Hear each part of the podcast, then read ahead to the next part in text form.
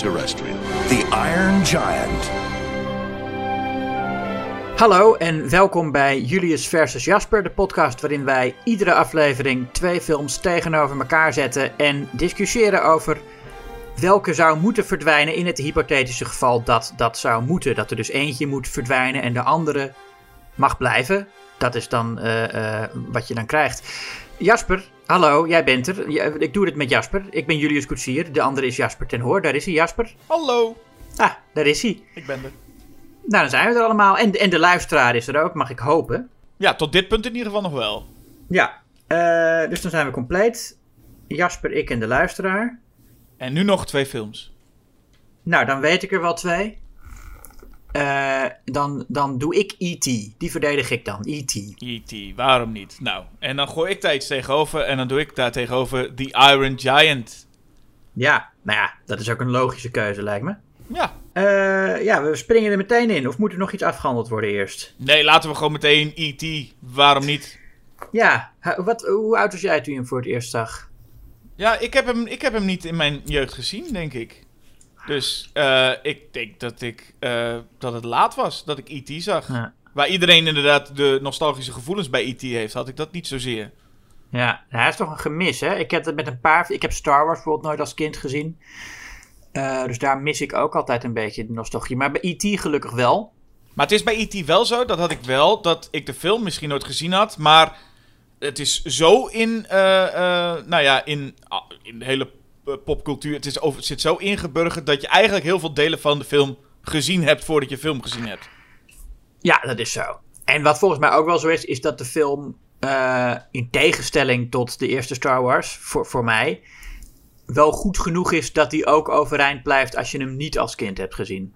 Eens. Wat je wel mist, en dat is iets om meteen over te beginnen. Um, wat je misschien minder in de gaten hebt als je hem op volwassen leeftijd voor het eerst ziet, is hoe eng die eigenlijk is aan het begin. Ja, dat vroeg ik me eigenlijk af. Want uh, de film is niet zoals ik mij herinner. Of in ieder geval zou denken dat hij begint. Want ik dacht dat hij zou beginnen met dat je misschien nog twijfels hebt over of het, of het, of nou ja, dat het misschien bijna nog een beetje horror begint. En dan blijkt E.T. wel een, een, een lief wezentje te zijn. Maar de film begint, gek genoeg, met al uh, begint al heel liefelijk. Nou, je ziet dat ze bezig zijn met op aarde uh, uh, bloemetjes te plukken en zo. En die ze dan mee gaan nemen in hun ruimteschip. Je ja. krijgt heel even dat ruimteschip van binnen te zien ook. Ja, en in mijn, mijn belevenis, in ieder geval dat dacht ik, dat de film zou beginnen bij... Dat het een beetje zo'n film zou zijn als de, nou ja, uh, noem de voorbeelden, The Blob. Ik weet even niet welke film nou het beste daarvan het voorbeeld is, maar de stort iets neer en in zo'n boerderijtje krijg je dan dat er iets mysterieus is. Maar je krijgt best wel veel te zien. Uh, wat ik niet had verwacht. Ik ja, vind... van wat ze eraan doen zijn. Je weet ook meteen dat het wel intelligente wezens zijn. Omdat ze, nou, ze hebben zo'n ruimteschip en ze gaan allemaal dingen onderzoeken. En je ziet ook meteen hoe E.T. dan uh, wordt achtergelaten als uh, uh, de autoriteiten achter ze aankomen. Ja, en de muziek van John Williams maakt het ook dat het inderdaad ook zacht is. Hè? Want het is, het, hij maakt het mooi. Het is niet alsof je nog speelt met het idee... dit is een mogelijk wel een enge film met slechte aliens. Dat wordt meteen duidelijk. Ja, maar ja, dat weet je natuurlijk ook als je naartoe gaat, dat het dat niet is. Nou, denk ik. Maar het was wel natuurlijk zo dat de film een beetje gestart is als zijnde de opvolger van Steve Spielberg's Close Encounters. Ja, maar ze, ze hebben het toch gewoon naar gemarket richting de hele familie. Uh, en wat, wat Close Encounters trouwens ook wel was. Het was toen nog best wel normaal dat kinderen ook naar dat soort films uh, gingen kijken. Mm -hmm. dat, dat is echt jammer dat dat nou niet meer is, hè? Dat, of veel minder. Dat je als kind gewoon naar een best wel serieuze dramafilm gaat kijken met je ouders. Dat is, in mijn jeugd was dat nog wel een beetje zo. Maar ik geloofde dat in de jaren 70 en 80 uh, nog meer normaal was. Ja, ik denk ook dat het rond deze tijd is en met Spielberg ook te maken heeft, dat hele leeftijdscategorie van PG-13 ook kwam. Ja. Met dat er ook films waren die uh, misschien een beetje op het randje zaten. We hebben, het, we hebben het vaak over, wat volgens mij voor ons allebei een van de favoriete films is, is The Witches van uh, uh, Nicholas Rogue. Ja. Het feit dat je films hebt die een beetje op een, op een randje balanceren. Uh, waarbij ja. ik nu echt voel dat kinderfilms ook wel echt kinderfilms zijn. Ja, de meeste wel. En, en als het een keer geprobeerd wordt om er iets anders mee te doen, dan eh, gaat het in de marketing toch weer mis. Ik bedoel, als je, ik, het laatst was, eh, eh, we hebben het vorige aflevering over Guillermo del Toro gehad. Die heeft ook meegewerkt aan het scenario van eh, Scary Stories to Tell in the Dark. Wat ik, eh, die was in Amerika PG-13 en ik vond het ook echt een geschikte film voor kinderen van rond die leeftijd. Ja, die werd hier gegooid op 16 jaar en ouder, hè? Werd die in Nederland boven de 16, terwijl ze zo hun best hebben gedaan om, er, om alle gore eruit te halen. Ja, dat zijn eigenlijk van die films. Ik denk dat het dichtstbij, of ik weet niet of het het dichtstbij is, maar wat ik me zo kan bedenken is dat misschien de Harry Potter-reeks nog wel af en toe met dingen kwam. Oh ja. Waarvan je denkt, ah, dat zit nog op een, op een bepaald randje. Maar En misschien ook eh, The Hobbit. ja, die vond ik misschien te kindvriendelijk daarvoor. Dan zou ik eerder nog Lord of the Rings zeggen. Ja. Ik had bijna meer het idee dat E.T. zou beginnen als bijna een horrorfilm, wat je nog steeds wel kan stellen. Maar dat het iets meer was met, oh, dit gaat misschien wel spannend worden. En dan komen we er pas achter, het is eigenlijk een lieve alien. Maar dus ik was wel verrast met het feit dat we dat in ieder geval aan het begin van de film al duidelijk hebben. Zijn lieve alien. En er zijn, ja, ik weet niet of het dan... Ze worden een beetje neergezet als slechterikken, de, de, de benen van mensen. De benen? Ja, Ja. dat zijn- Oh ja, ja, nee, precies. En, ja, en één, met, eh, één met de sleutelbos. Ja. Ja, nou ja, goed, dat, dat, dat is de dreiging. En het is ook een beetje dat anti-autoritaire wat eh, eh, in veel kinderfilms ook zit. Dat idee van, nou, de politie is eigenlijk, of eh, ja, dit zijn be- best wel, best wel enge mensen vaak. Ja. Ehm, maar nee, inderdaad, je ziet meteen dat het lieve beesten zijn. En dat, dat is ook gewoon het concept. Ik denk dat de meeste mensen die die film gingen kijken destijds dat ook wel wisten. Maar het had misschien inderdaad nog beter als horrorfilm gewerkt als je dat niet had gezien. En als we gewoon bij de familie eh, van Elliot waren begonnen. Eh, desalniettemin werkt het, voor mij als kind werkte het gewoon nog steeds. En je, je ziet ook echt dat Spielberg misschien wel ehm, in zijn meest natuurlijke habitat is als horrorregisseur. Ja, ik, wat ik meteen moest stellen is in dezelfde tijd. Ik, ik, ik, en dat is ook als E.T. Dus eh, op een gegeven moment laat hij ook dingen zweven. En dan weet je al wel dat E.T. een leuk, eh, eh, lief figuurtje is. Maar hij laat dan dingen zweven. En ik voel heel sterk dat dit in de tijd van Poltergeist is. Ja. En dan krijg je ook extra het gevoel. Volgens mij, inderdaad, is Steven Spielberg ook gewoon de regisseur van Poltergeist in hetzelfde jaar. Maar mocht hij dat niet doen, en was dat Toby Hooper. Want dit is eigenlijk een, een, een, een, ja, een, een, een soort Poltergeist. Alleen dan iets minder gruwelijk. Maar ik vind dat de vergelijkingen met Poltergeist en deze nog best wel dicht bij elkaar liggen. Ook qua gevoel. Ja, nou, iets, iets, minder gruwelijk dan Poltergeist inderdaad. Ja, maar er zit Ehm. wel diezelfde, er zit, er zit eenzelfde sfeer in. En ik moet dan Ja. zeggen wat we net zeiden over dat die kinderfilms nog een randje kregen. Ik vind het vooral geestig dat, we noemden net The Witches al, gewoon kijk naar Spielberg nu, die met zijn Roald Dahl verfilming eh, echt een, een, een infantiele kinderlijke film heeft gemaakt met de BFG. Ja, daarin zitten juist inderdaad de, de, de spannendere dingen van het boek eh, af te zwakken. Ja. Ik zou die film niet infantiel noemen, dat vind ik, een beetje, dat vind ik weer te ver. Maar nee, Nou, je hebt gelijk inderdaad. Ik vind dat, die, ik vind dat daar zou ik bij Spielberg denken, Spielberg kan heel goed eh, die randjes maken en kan heel, is, is volgens mij echt een, misschien wel een van de betere horrorregisseurs die bijna nooit een horrorfilm heeft gedaan. Ja, nee, maar er zitten wel veel horror-elementen in natuurlijk. Ja, Jaws is dan zijn meest eh, pure horrorfilm. Wat, wat, die ik meer kijk als een avonturenfilm. Ehm, ik weet dat er is een beetje discussie over, is dat nou een horrorfilm of niet? Hmm. Nou ja, ik, la- ik laat het zo zeggen, ik word er niet bang van. En ik, ik durf ook prima het water in als ik Jaws gezien heb. Ehm, dus daarom is het voor mij vooral een avonturenfilm. Maar het is, dit is ook duidelijk een horrorfilm. En, maar ook in Jurassic Park zitten echt goede horrorscènes. Ja, ik denk dat inderdaad Jurassic Park en Close Encounters eh, eh, allemaal films zijn van Spielberg die dat... I- heel veel mensen zi- zien Spielberg nu als die sentimentele man. Eh, die, omdat hij vooral films maakt waar dat hele enorme sentiment in zit. Maar hij is natuurlijk ook gewoon de man die ook achter eh, Indiana Jones Temple of Doom... eh, hij, hij is verantwoordelijk voor, eh, mede verantwoordelijk, niet als regisseur, bij Gremlins. En je voelt echt dat Ja. daar een, een, een man zit die echt wel ook van horror geniet. En daar ook heel Ja, en- goed mee overweg kan.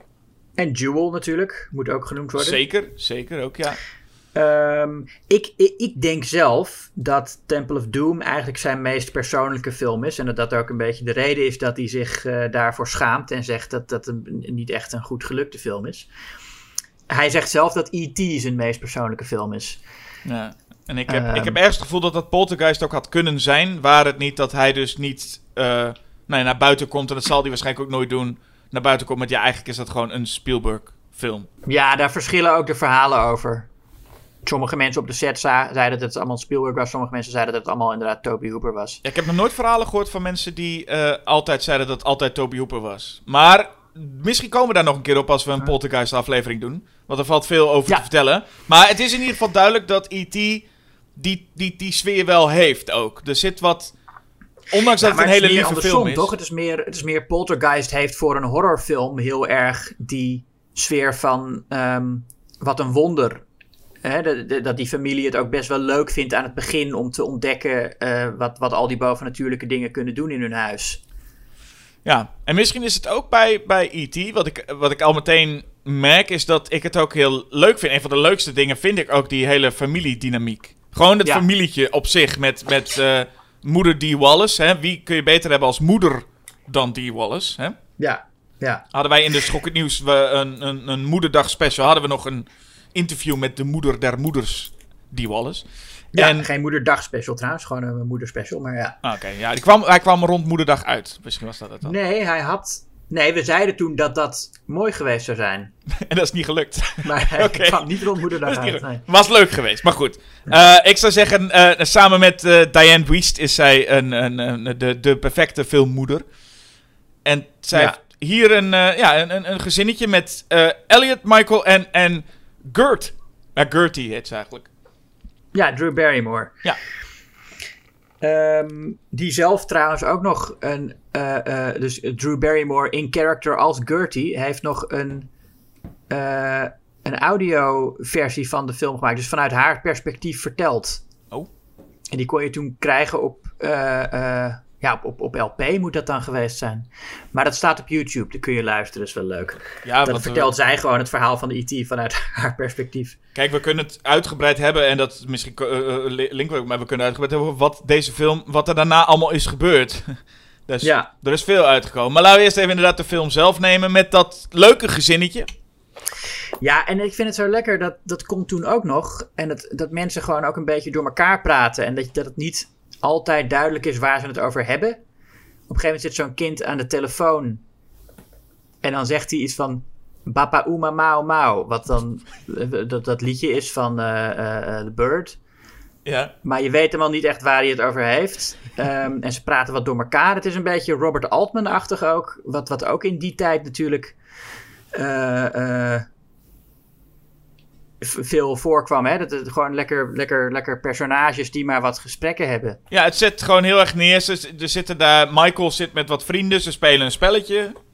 Ik, heb, ik had op een gegeven moment het gevoel, er staat midden op tafel iets wat rookt. Ik dacht, zijn ze nou ook aan het roken daar? Dat geloof ik niet. Ja. Maar eh, ik weet niet, volgens mij doen ze dat niet. Dacht ik. Nee, ik weet ook niet wat er dan zo staat te roken. Misschien eh, thee of zo. Ja, dan denk je, oh, moeder, moeder is daar niet bij. Maar moeder loopt daar in, eh, loopt er ook gewoon tussen in een, in een ochtendjas. Eh, Ja. en, en, eh, en Elliot, het, het jongetje, eigenlijk een beetje ja, de hoofdrol zou ik moeten zeggen, is, is dan Elliot. Die wil graag meespelen met die broertjes. En dat is inderdaad leuk hoe dat een beetje door elkaar kibbelt. En eh, het voelt, het Ja, het- voelt ook gewoon geloofwaardig, dat. Ja, het zijn niet van die strak geschreven filmdialogen die je nu in een blockbuster zou zien. Waarin elke regel iets moet betekenen. Nee, dat maakt het inderdaad, geeft het een, een, een, een, eh, een, een realistische feel. En eh, ook door het gewoon, het, het, het, hele sterke acteerwerk van, eh, van, ja goed, de meeste acteurs. En dan, eh, ja, met name toch ook wel Henry Thomas als Elliot. Ja, Dat is een, een, een, een hele sterke rol. Ja, ik neem aan dat je dat auditiefilmpje van hem wel kent. Ja, zeker. Zeker. Ja, dat is prachtig. Daar zie je trouwens ook al hoe natuurlijk hij is als acteur. Dat hij helemaal niet bezig is met.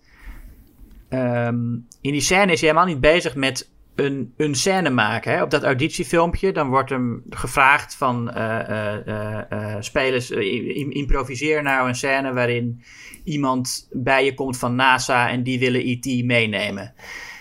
En dan begint hij ermee. Maar Henry Thomas is dan helemaal niet bezig met hoe maak ik hier nou een goede scène van. Hij is alleen maar bezig met zich voorstellen hoe dat zou zijn. In het begin zegt hij ook helemaal niks. Als die NASA-man voor het eerst naar hem toe komt en vraagt: Heb jij hier een alien? Dan blijft hij gewoon stil. Ja. En dan, dan zie je meteen dat hij dus eh, zich zo erg inleeft in hoe het echt zou zijn dat hij. eh, ehm, dat dat echt het enige is. En dat hebben we daar, dat is met, met, met een goede kindacteur. ehm, heb je dat dan echt. eh, ik, ik denk dat die er echt zou in staan. En het is wel grappig. Je hebt natuurlijk, als het over kindacteurs gaat, is het vaak van ja, je hebt, het, je hebt verschillende varianten. Je hebt de, de Kurt Russells, waar meestal niks mee. Hè, die, die, die hebben het gered, om het zo maar te zeggen. Maar je hebt ook de categorie Drew Barrymore, die het iets minder goed afgegaan is. Je hebt natuurlijk nog schrijnendere gevallen, maar Drew Barrymore is een beetje bekend als. eh, nou ja, eh, aan lager wal geraakt op een gegeven moment en een drugsverslaafd. Bij Henry Thomas weet ik het niet, maar hij is niet doorgebroken als groot acteur daarna. Nee, hij zat wel in de eh, tweede serie van, eh, ehm, eh, van eh, Mike Flanagan eh, van The Haunting of Bly Manor. En Ja. daar speelt hij een heel slechte rol, vond ik. Oh, Dat vond ik echt eh, heel erg eh, teleurstellend. Nou, ik weet ook dat hij in. eh, want Mike eh, Flanagan werkt vaker met hem. Ik zag hem in ieder geval in die. eh, eh, wat was het, die film? Oh, Gerald's Game. Gerald's Game, inderdaad, zag ik hem. En speelt hij een hele. eh, ja, dat, dat, dat je toch even denkt van. Oeh, dit is wel een heel andere soort rol. Maar hij speelt ook. Wat beruchte misschien de, de rol van Jack Nicholson in eh Doctor Sleep. Oh ja. Wat ook niet heel. eh, eh, nou ja. Ja. Niet heel Nou, goed. zie maar goed, het is niet een acteur die, ondanks dat je wat je zegt, het een ontzettend, ieder- iedereen kent ook dat auditiefilmpje inderdaad, maar het is niet Hmm. alsof hij doorgebroken is, voor mijn gevoel. Nee, ik denk, ja, misschien verlies je dat ook op een gegeven moment. Die onbevangenheid die je als kind eh, hebt bij acteren, die, die kun je dan weer kwijtraken als er een soort filter voorkomt. Als je bijvoorbeeld kijkt naar wat, wat zou ook een acteur kunnen zijn geweest die gecast in zo'n film zou kunnen worden, toen dacht ik ineens, ja, je moet je eens voorstellen dat een Corey Feldman zo'n rol zou krijgen. Dat zou heel, Ja. heel anders zijn. Ja, ja precies. En het, het schijnt ook dat Corey Feldman wel een rol zou spelen. Niet die rol van Elliot, maar hij zou een rol spelen. Maar die, die, die rol werd geschrapt. En toen eh, kreeg hij daarom ook Gremlins. Want Spielberg wilde wel graag een keer met hem werken. Maar ik heb inderdaad wel het gevoel dat dat kaliber van acteurs zou je dan kunnen krijgen. Zo'n zo'n Corey Feldman-achtig. Eh, maar ik merk echt dat er zit echt een verschil in hoe die acteurs... de, ik, noem ze even de Goonie-acteurs bij wijze van... Hoe dat is en hoe Henry Thomas hier speelt. Ja, die, die hebben veel geliktere stijl.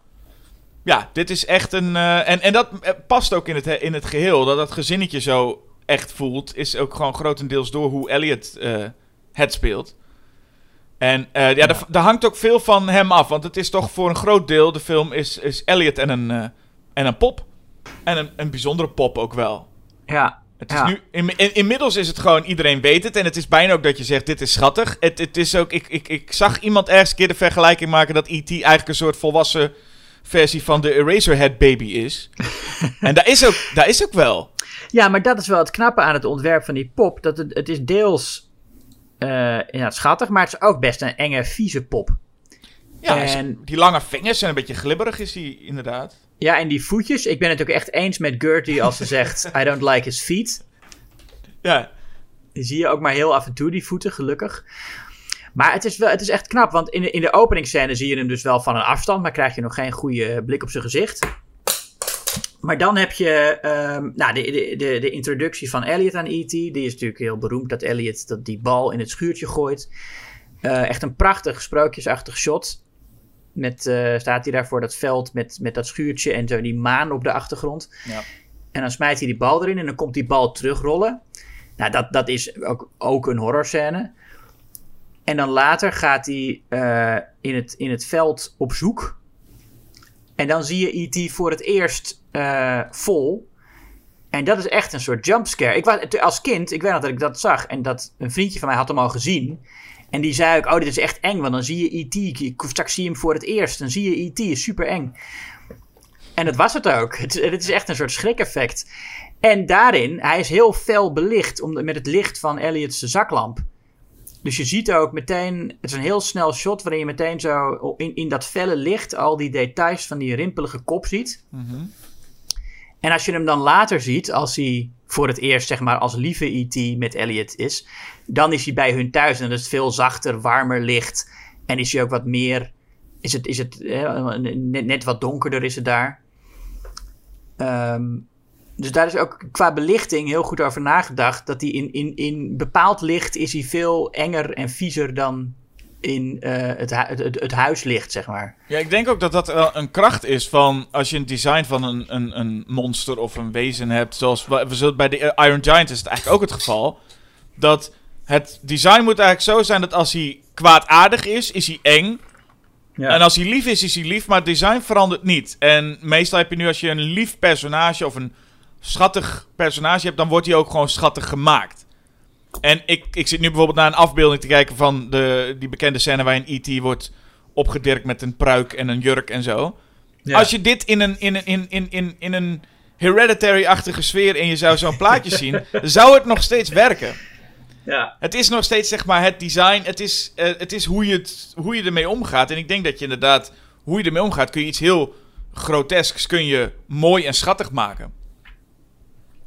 En dat is wat ze hier Ja. goed doen. Dus door E.T. wel gewoon zo eruit te laten zien dat je denkt, als het een enge film zou geweest, een horrorfilm, had ik niks aan het design veranderd. Ja, nou, het- hij heeft wel grote ogen natuurlijk. Hè? En dat is vaak eh, iets schattigs. Nee, heel veel schattige beesten hebben grote ogen. Eh, eh, Kathleen Kennedy, een van de producenten, die ging ook, is ook naar een instituut geweest om ogen te, te bestuderen. En naar echt een, een ooginstituut. Het Jules Stein Eye Institute. En heeft ook echt mensen die daar werkten ingehuurd om die ogen goed te krijgen. Maar goed, het is een, eh, het, het, het, is, het is een schatje. Ja, nee, en ja, zeker, zeker. En, heeft, en ook, ook het geluid trouwens dat hij maakt, hè, want als je hem voor het eerst ziet, eh, als, als Elliot voor het eerst die zaklamp op zijn kop richt, dan heeft hij ook een soort schelle schreeuw. En later, als, eh, als hij met, met Elliot mee naar huis gaat, dan spint hij hem en, en, klinkt hij gewoon als een kat. Ja, de, de geluiden van Ben Bird zijn ook eh, Ja. eh, eh, on point. En dan krijg je ook, weet je, ik, Elliot gebruikt dus Reese's Pieces om hem te lokken. En dat zijn, ik heb ze nog nooit gegeten trouwens. Het zijn Amerikaanse snoepjes. Ik, je kunt ze hier ook wel krijgen bij bepaalde winkels, maar ik heb ze nog nooit gehad. Ehm, maar in mijn herinnering waren die Reese's Pieces een veel groter onderdeel van de film. Maar je ziet eigenlijk ook nauwelijks, je ziet helemaal nauwelijks dat het Reese's Pieces zijn. Je ziet die verpakking helemaal niet. En in mijn herinnering zei E.T. ook op een gegeven moment Reese's Pieces. maar dat, dat- misschien, eh, ja, misschien is dat ooit een reclame geweest. Ik zeggen, dat zo, zou ongetwijfeld een reclame geweest zijn, ja. Eh, Het is ook grappig dat ze M&M's wilden, hè? En dat eh, M&M's niet mee wilden werken. Omdat ze zeiden van, nee, dat is veel te eng. Dat gaan kinderen toch niet zien. oh ja. Maar dat Reese's Pieces na deze film, nou ja, E.T., 10 miljoen budget, bijna 800 miljoen opbrengst, deze film. Ja, dat, dat knalde erover. Dus die Reese's Pieces Ja. ging ook als een, als een malle. Dus dat zal M&M's ook gedacht hebben. Eh, ja, dat is soms zo dat je, had, je, je had kunnen instappen. ja. Het heeft, goeie, het heeft iets goeds gedaan voor Reese's Pieces. Terwijl je inderdaad, ik, had, ik, ken het, ik ken het merk ook niet. Nee, het is voor mij ook de enige reden dat ik überhaupt zou overwegen ze te eten, is vanwege E.T. maar precies. goed, nou ben ik natuurlijk ook, we wonen in Nederland waar ze niet zo groot zijn, maar ja, dat is, ze, zijn, ze zijn wel wereldberoemd geworden, deze film. Zijn het, een soort, ik, ik- zijn het een soort meer skittles dan? Ik weet Nee, het is volgens mij wel met chocolade. Wel chocolade. Het is, het is, het is gewoon echt een soort Smarties. Nou ja. Ja, en, maar ik geloof ook iets met pindakaas, want je hebt ook Reese's Peanut Butter Cups. Nou ja, ben- ik raak inderdaad ook wel Nou ja. benieuwd. Dus moet je nagaan hoe dat werkt hè? in zo'n film. Je hebt het erover en je denkt, oh, dat wil ik toch eens proberen. Dus dat kan betekenen dat ineens iedereen dacht, ik moet Reese's Pieces hebben. Maar ja, die hebben natuurlijk flink geadverteerd daarna. Want zo'n hit, ja, daar moet je, daar moet je mee, eh, meeliften. Ja, maar goed, hij, eh, eh, hij lokt E.T. inderdaad. Nou, je hebt eerst nog dat, hij, dat, dat E.T. op hem afloopt en dat hij helemaal verstijfd is. Dat is ook een gave. Dat is ook een, echt een horrorscène. Dat hij, in, hij zit dan buiten in die stoel te wachten, Ja. Elliot. En dan komt E.T. op hem af en dan kan hij ook niet schreeuwen. Hij wil dan mensen erbij roepen, maar het, het lukt hem niet. En dan komt E.T. zo langzaam dreigend dichterbij. Eh, met zijn enge lange vingers ook. Ja. En, dan, en, da- en dan komt hij inderdaad. eh, nou, da- daarna krijg je dat, eh, dat- dat ze naar binnen gaan. En dan komt een van mijn eh, favoriete scènes. Namelijk dat, dat, dat Elliot al dat speelgoed aan E.T. gaat laten zien. Hij, heeft heel veel, eh, hij wil E.T. dan dingen leren over hoe de wereld zit. En dan is hij op zijn slaapkamer en dan begint hij met... eh, nou, dit, dit, is, dit is drinken, weet je wel, van drinken, eten. En dan pakt hij dat speelgoed en heeft hij allemaal Star Wars poppetjes. En dan gaat hij gewoon ja, daarover vertellen. Van dit is, dit is Boba Fett en dit is The Walrus Man. En dat was in de tijd dat Star Wars nog niet um, zo erg met die merchandise was. Van dat, dat, alles al, dat alles al een naam heeft, een officiële naam in de film. En, of die dan bedacht is die voor de film en die het speelgoed ook allemaal heeft. Uh, toen was dat nog gewoon, ja, de mensen die dat speelgoed maken, die verzinnen soms een naam voor een beest dat in de film geen naam krijgt. En er zat één figuur in die lijkt een beetje op een walrus, dus die hebben ze dan maar Walrus Man genoemd. Uh, maar volgens Wikipedia heet die eigenlijk Ponda Baba, de Walrus Man. Maar uh, ik, ik noem hem Walrus Man, want zo noemt Elliot hem. En zo, zo noemt de speelgoedfabrikant hem ook. Ja, ik had ook helemaal niet door dat het allemaal Star Wars figuren waren. Omdat hij, hij heeft het dan over uh, um, Lando en over Boba Fett. Maar ik dacht bij. Walrus Man of bij Hammerhead, had ik geen flauw idee dat dat ook Star Wars poppetjes waren. Maar klinkt ergens wel Is Hammerhead ook uit Star Wars? Dat denk ik dan. Dat, dat zijn toch allemaal... Ja, dat zal wel. Maar het ja. wel grappig dat hij dan Boba Fett noemt. En dat Boba Fett, dat dat de eerste keer is dat eigenlijk Boba Fett in de bioscoop bij naam genoemd werd. Want die was helemaal nog niet bij naam genoemd in uh, Empire Strikes Back. Dus de, dat is het eerste nee. waar voor het eerst mensen ook eigenlijk soort van kennis maakten met... Oh, dat is het personage Boba Fett. Ja, in de Holiday Special zit hij wel. En die was nog voor Empire Strikes Back.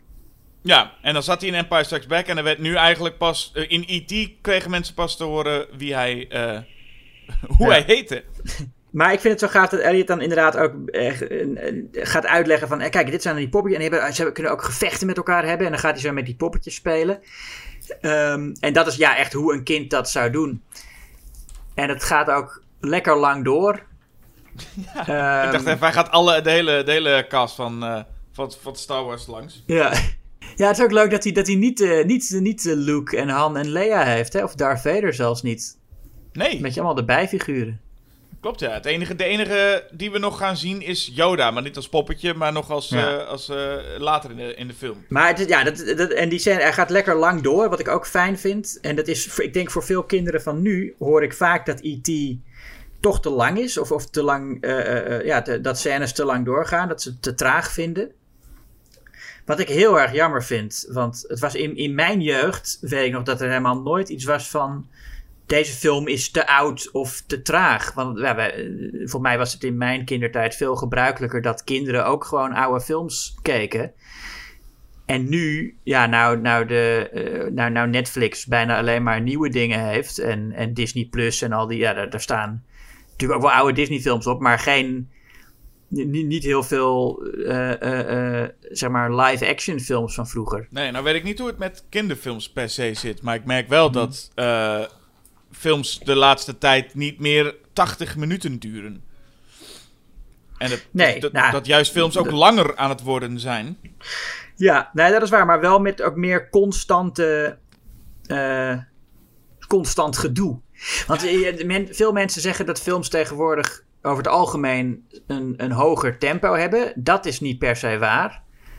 Maar wat wel zo is, is dat ze meer constant gedoe en constant stimulans voor kinderen hebben. Ja, minder lange scènes eigenlijk. Ja, en, en meer dat er gewoon altijd wel iets aan de hand is en iets gebeurt. En je hebt niet, niet meer van die scènes waarin je gewoon even aan het, aan het hangen bent. Zoals hier met Elliot en E.T. Weet je, dat, dat ze eventjes uh, even de tijd nemen om die twee met elkaar kennis te laten maken.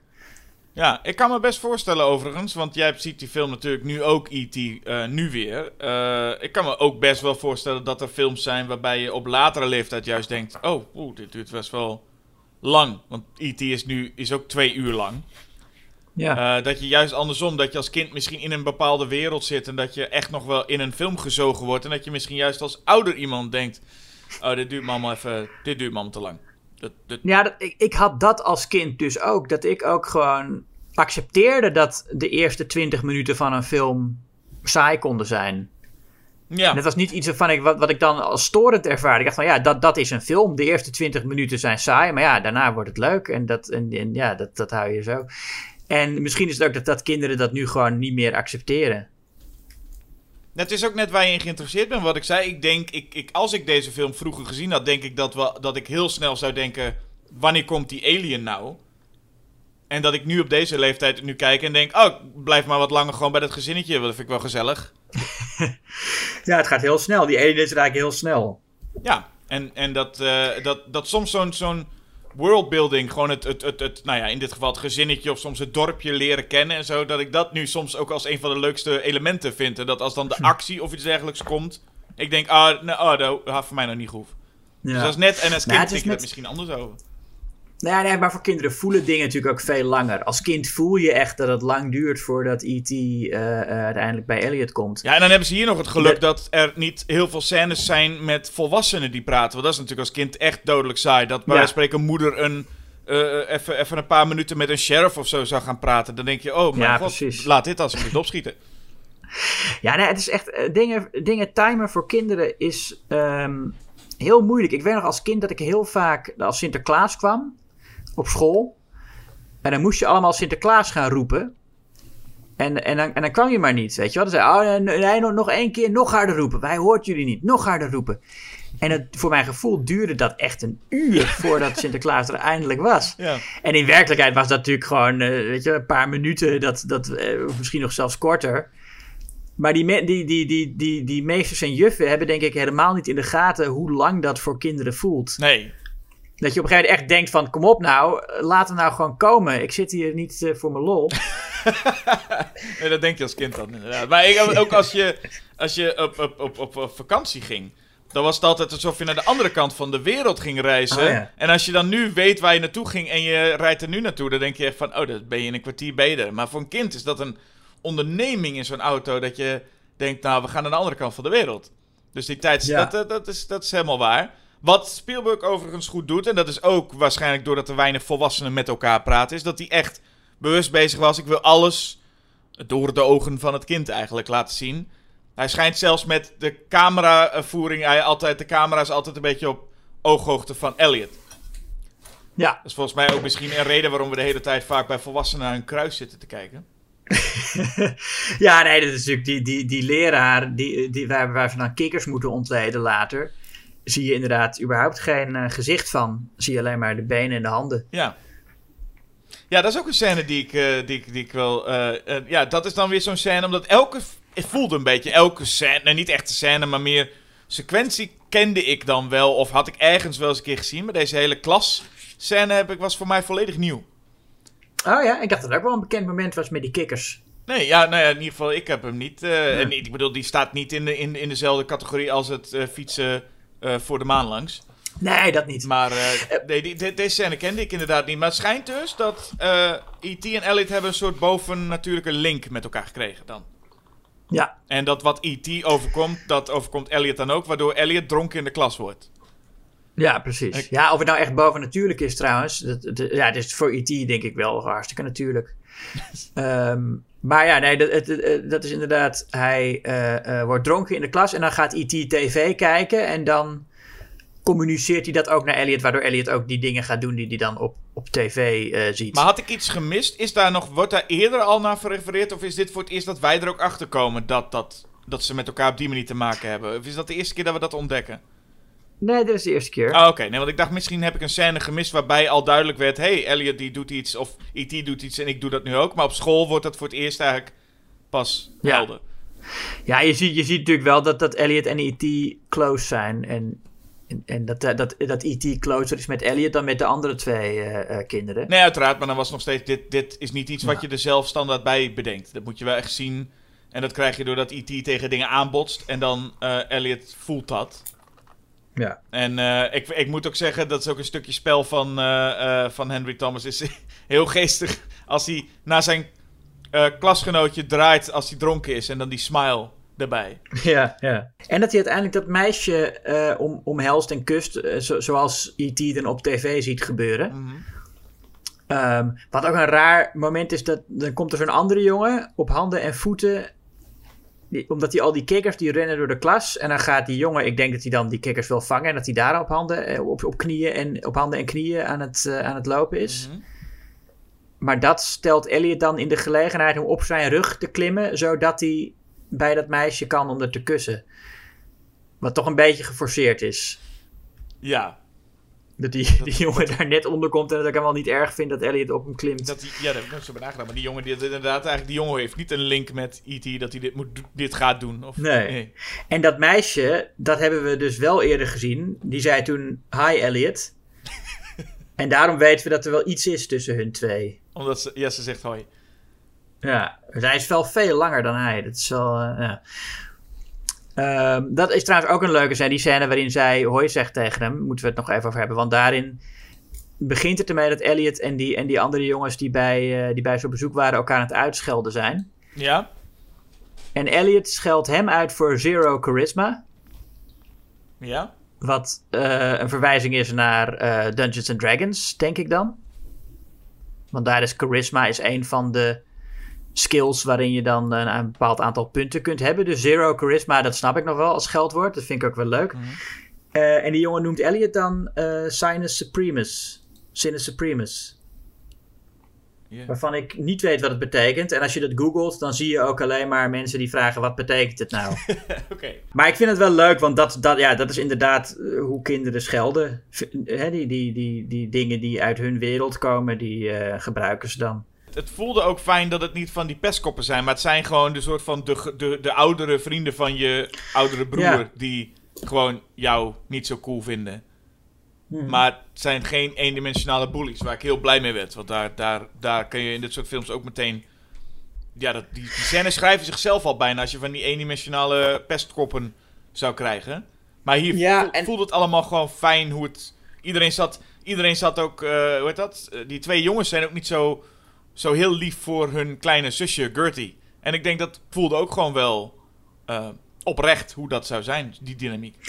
Ja, en je hebt in het echt ook heel vaak uh, dat kinderen de, de ene dag elkaar pesten en de andere dag gewoon weer vrienden zijn. Het, het is niet dat, dat je altijd, voor de meeste kinderen is het niet zo dat ze altijd of een pestkop zijn of uh, een, een lieve jongen of zo. Dat is, dat, dat, dat is veel vloeibaarder bij kinderen. Ja, want de, de manier waarop Michael en Elliot eigenlijk Gertie soort van dwingen om het geheim te houden van E.T. Ja. is best wel... Nou, dat zou je best wel kunnen... Uh, Zo'n scène zou je best wel kunnen maken... zodat je in, daarna een hekel krijgt aan Michael en Elliot... hoe ze met hun zusje omgaan.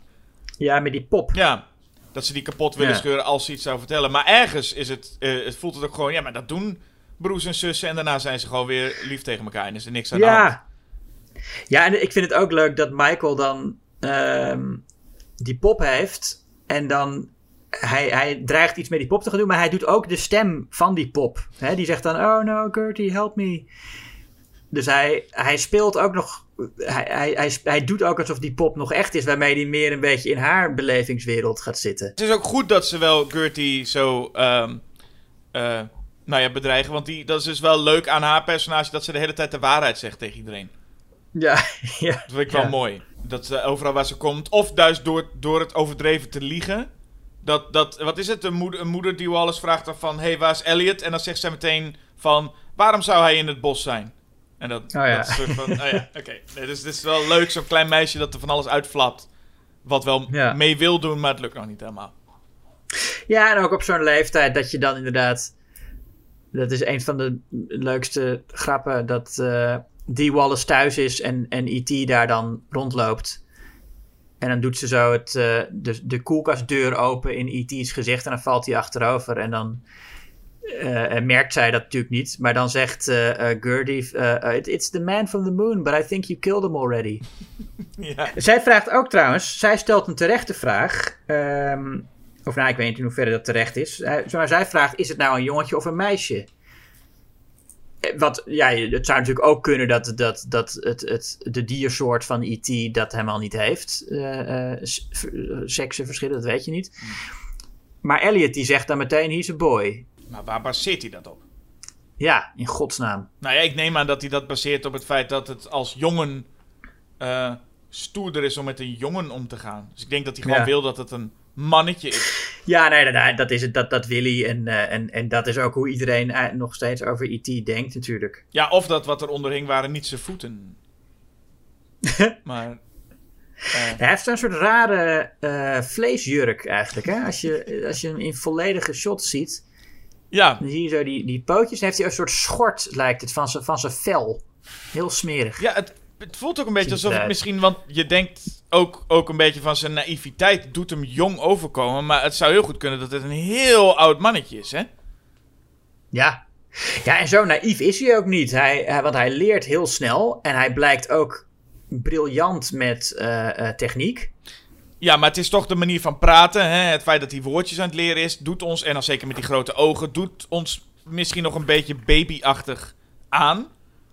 Ja, natuurlijk. waggelt, Ja. maar het is eigenlijk, de, hij heeft het huid van een hele oude man. Of iemand die in ieder geval heel erg is afgevallen. Maar goed, als je zijn, Ja. als je zijn andere soorten ziet, die zijn allemaal ook zo. Dus het is niet... Het is, Ja, nee, precies. de, deze, dit- deze soort hoort zo te zijn. Kijk, in die nek, dat snap ik, want dat, dat er veel vel over is. Want hij kan heel erg Ja. eh, rekken.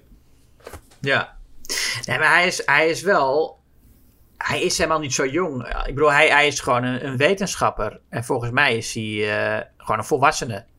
Anders ga je niet zo op expeditie en anders kun je niet zo een- zo'n telefoon bouwen van allemaal dingen die je op een vreemde planeet vindt als MacGyver. Ik weet niet of die misschien dat voor die, Ja, je, we weten natuurlijk niet hoe dat allemaal voor zit. die soort zou mijn- kunnen. Maar nee, natuurlijk is het niet. Maar hij, hij heeft alles mee, mee als het, een, een peuter.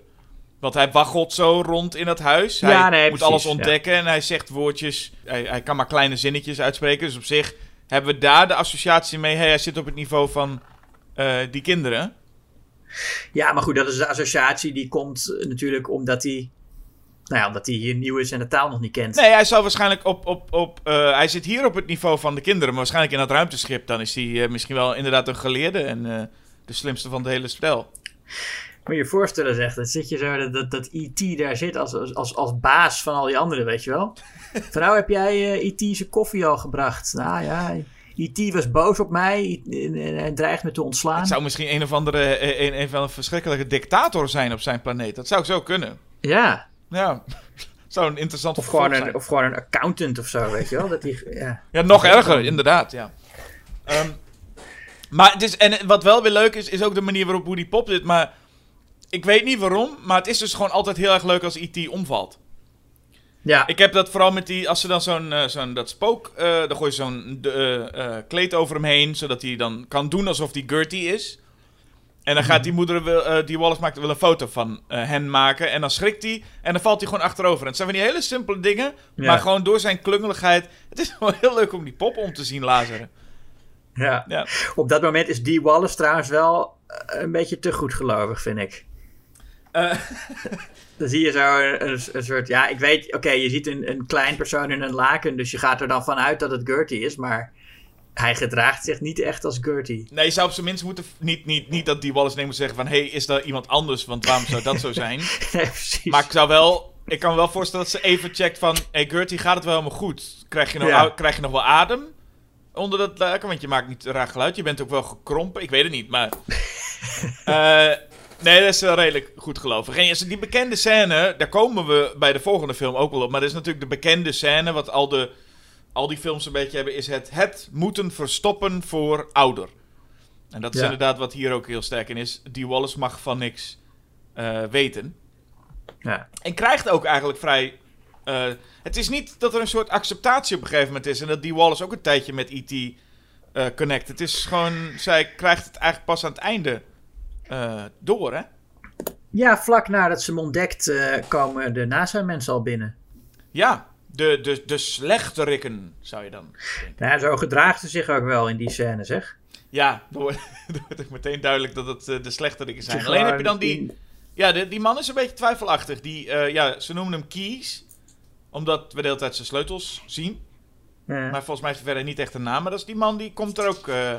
Eh, ik, ik, dat, dat de Peter Coyote eh, speelt eh, hem. Maar Ja, ja nee, dat is, dat is, dat is de, de sympathieke inderdaad, die ook meer bezig is met het wonder van IT dan met de wetenschap. Hè? Al die andere mensen zijn alleen maar bezig met hoe, hoe werkt het. Ze noemen hem ook allemaal it. Hè? Wat, ja, waar de, waarvan, waarvan, het is gek, ik voel nog steeds een soort kwaadheid op dat ze dat doen. Dat ze zeggen, oh, eh, eh, you're connected with it and how does it work? En dat Elliot blijft ze maar hier noemen. Maar die andere wetenschappers allemaal consequent it. En ik, het is godverdomme geen it. Nou ja, zij, Maar- zij weten nog niet of de man of een vrouw Nee, is. natuurlijk. Nee, natuurlijk. En het is hartstikke, nee, natuurlijk, dat is zo. En Elliot is gewoon te snel met conclusies dat de jongen is. Hallo, Elliot. Even. Ja, nee, dat is. Maar ja, ja nou, goed, maar dan hadden ze natuurlijk genderneutraal them kunnen zeggen. Maar, ehm, je hebt, je hebt, nee, eh, maar, maar goed, dat is natuurlijk wel, het is bewust zo gedaan, hè, dat, dat zij hem it noemen en Elliot he, dat, dat je Ja. ziet van zij zien hem als een, als, een, als een ding, als een object. Behalve inderdaad die Keys, die ook meer zegt, die ook dan Elliot aanspreekt, zegt, ja, ik, ik eh, vanaf, vanaf toen ik zo uit was als jij, eh, droom ik hier al van. Ja. Ehm, maar ik denk vooral aan het begin van die NASA-scène. Dat je dan in een ruimtepak eh, dat huis bi- binnenkomt wandelen. en ook gewoon door het raam. Eerst komt er iemand via de deur. En dan komt er nog iemand. En dan komt er iemand die klimt zo door het raam naar binnen. Ja, je bent daar ook niet, niet echt bezig met die mensen geruststellen. Nee, ze, ze worden inderdaad neergezet eh, zoals, een beetje zoals in heel veel films de, de mensen in zwarte pakken. Gewoon de, de government. En zij worden Ja. dan inderdaad in die NASA-pakken worden wel gezien als de, de slechterikken. Ik had echter geld op... Ik, ik geloof er zelf nog steeds eigenlijk niet. Maar ik had geld ingezet op dat die kies niet te vertrouwen was. Ik kon me voorstellen dat een acteur als Michael Ironside gecast had kunnen worden voor zo'n rol. Weet je wel? Dat hij in het begin een beetje wel aardig zou kunnen doen. Maar daarna toch blijkt dat hij de schurk is die E.T. eigenlijk op wil sluiten. En dat blijkt deze kies eigenlijk dan toch niet te zijn. Nee, hij is niet, eh, nou, hij is niet zoals inderdaad de, de bad guy in Iron Giant. Nee, hij is gewoon. Maar hij is überhaupt dan niet echt een bad guy. Hij, hij, hij, hij meent het wat hij zegt van. Oh, ik, ik vind het ook. Maar, maar er zit niet echt een. Ja, ja, ik denk dat dat gewoon Spielberg is natuurlijk. Van ik droom hier ook over.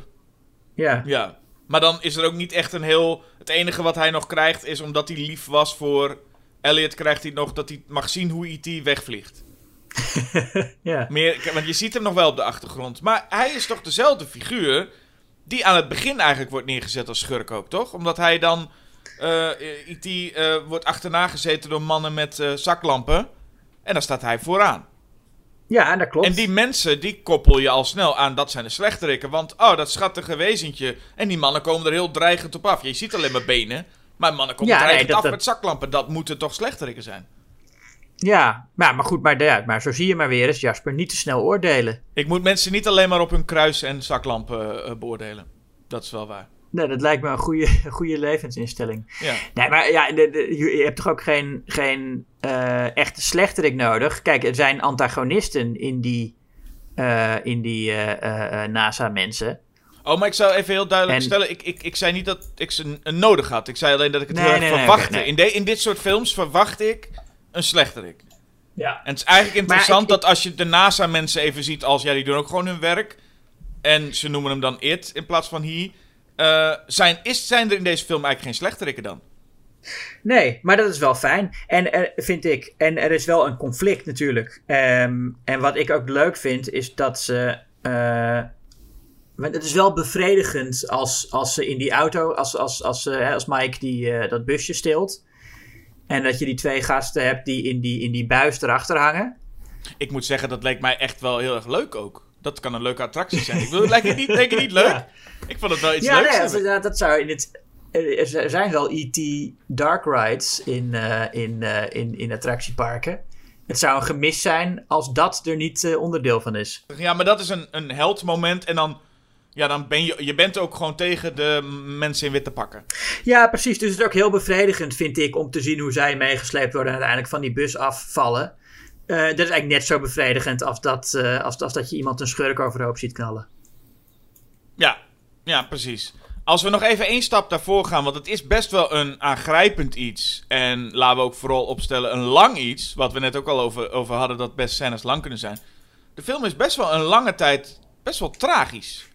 Ja, het is eigenlijk na een uur al dat E.T. dan naar huis gebeld heeft en daarna ziek is geworden.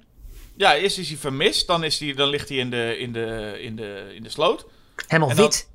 En is hij helemaal wit. En dan. En, en, en, en, eh, ik weet ik, voor mijn beeld zat, zat er een wasbeer aan zijn hoofd te knagen. Maar dat is volgens mij niet zo. Maar Nee, er is wel een wasbeer in de buurt. Ik weet niet of hij echt aan hem aan het knagen is, maar die is er wel. Ja, maar dat, maar, en, en dan gaat hij naar huis en dan wordt hij nog ziek en dan wordt Elliot ziek. En het is zeg maar best wel een lang deel van Hmm. de film. Is het, best wel tragisch. En ook wordt het echt wel heel intens gespeeld door, eh, door Henry Thomas. Ja, enorm. Ja, en het is vreselijk ook, want, dan, want dan ontdekt die Wallace inderdaad E.T. in haar huis en dan haalt ze Elliot ook weg. En dan zie je E.T. nog met uitgestrekte armen liggen. Ehm, dat is gewoon, ja, best wel heftig. En Oh. inderdaad, het is ongeveer de helft van de film dat, eh, dat dat begint te gebeuren. Ja, en we weten, komt nog wel een, een- Maar het ging gewoon voor mij lang door. Ik zeg niet te lang hoor. Ik zeg gewoon dat het opvallend lang was dat we eh, in een soort van. Nou ja, vrij deprimerende. eh, op een deprimerende plek waren. Waarbij ik hiervoor nog net zei: Oh, wat grappig als IT omvalt. Ja. Gewoon, oh, geinig, daar waggelt iemand en dan geen gekke geluidjes. En ineens zitten we daar in een soort van plastic eh, eh, tent. Met een, een, twee, twee, een stervend kind en een stervende eh, alien. Ja. Elliot zegt ook nog, I, I, I think we're dying. Ja. Dat is ook wel heftig. Ja. Zo, oh, nou, gezellig. Maar goed, het is een heel, het is een heel sterk stuk en het doet, wel, het doet je wel echt wat. Ja, en hij laat je ook heel lang met het verdriet dat eh, E.T. echt dood is, hè? Ja, een gegeven moment is hij, is hij overleden. En dat doet, doet Spielberg er ook echt lang laat hij je zitten met, eh, met die gedachten. langer dan ze in, in Batman v Superman volhielden dat Superman dood was. ja, precies. Ja. ze doen er echt, echt wel even een tijdje over dat je denkt, nou, bijna dat Spielberg nog denkt van, ik doe nu ook de credits alvast. Ja. En dan doen we het, nee, toch niet. Want dit, dat, ja, er moeten een hoop kinderen toen al wel in, in tranen hebben gezeten. ja, zeker. Ja, en, en, en het is ook zo maar dat Elliot dan... Elliot niet eh, heel hard gaat huilen. Hij doet alleen alsof hij hard huilt daarna. Maar dat hij tegen E.T. zegt van... Ja, ik, ik, je moet wel dood zijn, want ik voel niks. ja. Hartverscheurend. Hartverscheurend inderdaad. En dan moet het, het, het, het, het optimistische stuk moet dan komen. Ja, zo, ik, ik zit nog steeds een beetje met dat je dan niks voelt. Dat is zo'n... eh, Oh, je wou eh, even wat langer daarheen. Sorry, ik ging, Nou te snel. Ik ging, ik ja, ging te snel voor deze film, ging ik door. Ja, Spielberg laat je er ook lang mee zitten. Dus eh Dat is moeten wij ook weer. Nee, maar nou, het is omdat dat zo'n eh, mooie weergave van rouw is. Dat het niet, niet per se alleen maar verdriet is, maar ook gewoon dat je niks voelt. Of dat je niet weet wat je voelt. Mhm. Eh, die leegte, dat is zo'n eh, mooie vondst. Ik, eh, andere mensen hadden gewoon, hadden gewoon Elliot, ja, het is heel verdrietig. En dat is het. Maar het is, het is, veel, het is aan de ene kant ook veel volwassener. Maar ook heeft het een beetje de eerlijkheid van een kind om te zeggen: Ik weet niet wat ik moet voelen. Of ik, ik, ik voel helemaal niks. Nee, en ik ja. merk ook dat, dat John Williams zich ook een beetje inhoudt. Hij doet het heel goed, maar je merkt ergens dat deze, deze scène ook makkelijk helemaal dichtgesmeerd kon worden. En eh, ehm, het, het, het blijft ook gewoon cameravoering. Al te- op technisch vlak blijft het ook een subtiel, waardoor het eigenlijk misschien wel extra hard overkomt, die scène. Ja. Maar goed, dan, eh, dan eh, blijkt hij inderdaad nog te leven. Hoera! Ja, mogen we nou naar het, ja, dan gaan we nu naar het vliegen. ja. ja, met al die andere kinderen. Nou, E.T. heeft natuurlijk al een keer eerder een fiets laten vliegen. Maar nu moeten ook alle andere kinderen erbij om vrij onduidelijke redenen eigenlijk. Dat Mike tegen zijn vrienden zegt: Kom, we, gaan naar het speeltuintje. Ja, ze, ze moeten allemaal meekomen. Ontmoeten, Ja. En dan, dan gaan ze samen. Maar dat maakt in principe niet zo heel veel uit. Ze Nee, zijn- ja, misschien dat het dan, omdat het dan nog wat meer afleiding is voor de politie of zo. Dat al die andere BMX-kids eh, ook achterna gezeten moeten worden. Ja, maar dan zouden ze allemaal met zo'n mandje met een deken dat, dat, dat, dat, ze, dat, dat niemand weet waar is hij nou echt. Maar Ja. in principe zijn ze nu gewoon als groepje. Nou, het is leuk. ja. Even. Eh, ik, ik denk ook, hè, ze moeten ook wel uitkijken met al die mensen met die gevaarlijke walkie-talkies in hun handen. Nou ja, dat is in de. eh, heb jij die versie gezien? Ik heb gewoon de versie gekeken waar ze pistolen hebben. Ja, dat is dus net het ding. Ik kwam er dus achter toen ik deze film zag. En dat had ik al eerder hoor. Het is niet vanaf dat moment. Ik zag op een gegeven moment iets van CGI. En toen dacht ik, "Hmm, dit is niet zo heel mooi. Maar waarom? Dit is toch helemaal niet. Dit is, dit is, dit is, een, dit is een George Lucasje, dit. En dat was dus zo. En toen bleek dat ik inderdaad de kopie die ik thuis heb, is de, eh, de, de 20th anniversary editie. Ah, die is ook wat langer, toch? Eh, dat zal denk ik wel. Ik heb niet, ik heb niet de. ja, eh, ik zie de het hier staan. De 2002 versie is 120 minuten en het origineel is 114 minuten. Oh, dus ik heb zes minuten jij extra hebt- gekeken. Ja, eh, ja voor, voor niks heb je gekeken. Maar we hebben, we, Eh. hebben niet, we hebben niet nog een moment. Ik heb nog niet in ieder geval een moment aangehaald waarvan jij zei: Huh, die zat helemaal niet in die van mij. Dus eh, schijnbaar is dat, is dat iets Ja, geweest. met die fiets, dat ze met de fiets gaan vliegen voor de maan, dat zit niet. Nee, nee, dat, nee ik weet het niet. Nee, dat, dan zal je die scène niet gemist hebben, dus dan zal het terecht zijn dat hij er niet in zat. Nee, want ik dacht ook, ik dacht dus dat die film, want ik zag dat en ik dacht, oh ja, wat dat komt omdat Spielberg deze film, net als George Lucas graag doet, zijn films verneukt. Hmm. Eh, en van, nou, en dit is vanaf nu de versie die je mag zien en alle andere versies bestaan niet meer. Nu schijnt het dus dat George, eh, of dat Steven Spielberg eh er spijt van heeft. En voor de, de, die van 2012, volgens mij, zijn alle versies weer gewoon zoals het hoort. Ja, Waarbij ik dus dacht, oh, ik, je, ko- oh, ik, je kunt niet meer aan die originele versie komen. Maar schijnbaar heb ik nu gewoon een versie in huis die... volgens mij wordt die straks een beetje uniek. Ja, die is niet meer te krijgen. Die is eh, tenminste niet meer eh, in, in, in circulatie. Nee, En eh, Spielberg heeft er ook over gezegd, ik heb hier een citaat van hem. There's going to be no more digital enhancement or digital additions to anything based on any film I direct. When people ask me which ET they should look at, I always tell them to look at the original 1982 ET. Ja, nee, de- toen, toen, de, toen de enhanced versie werd uitgebracht, zat daar ook al het origineel bij.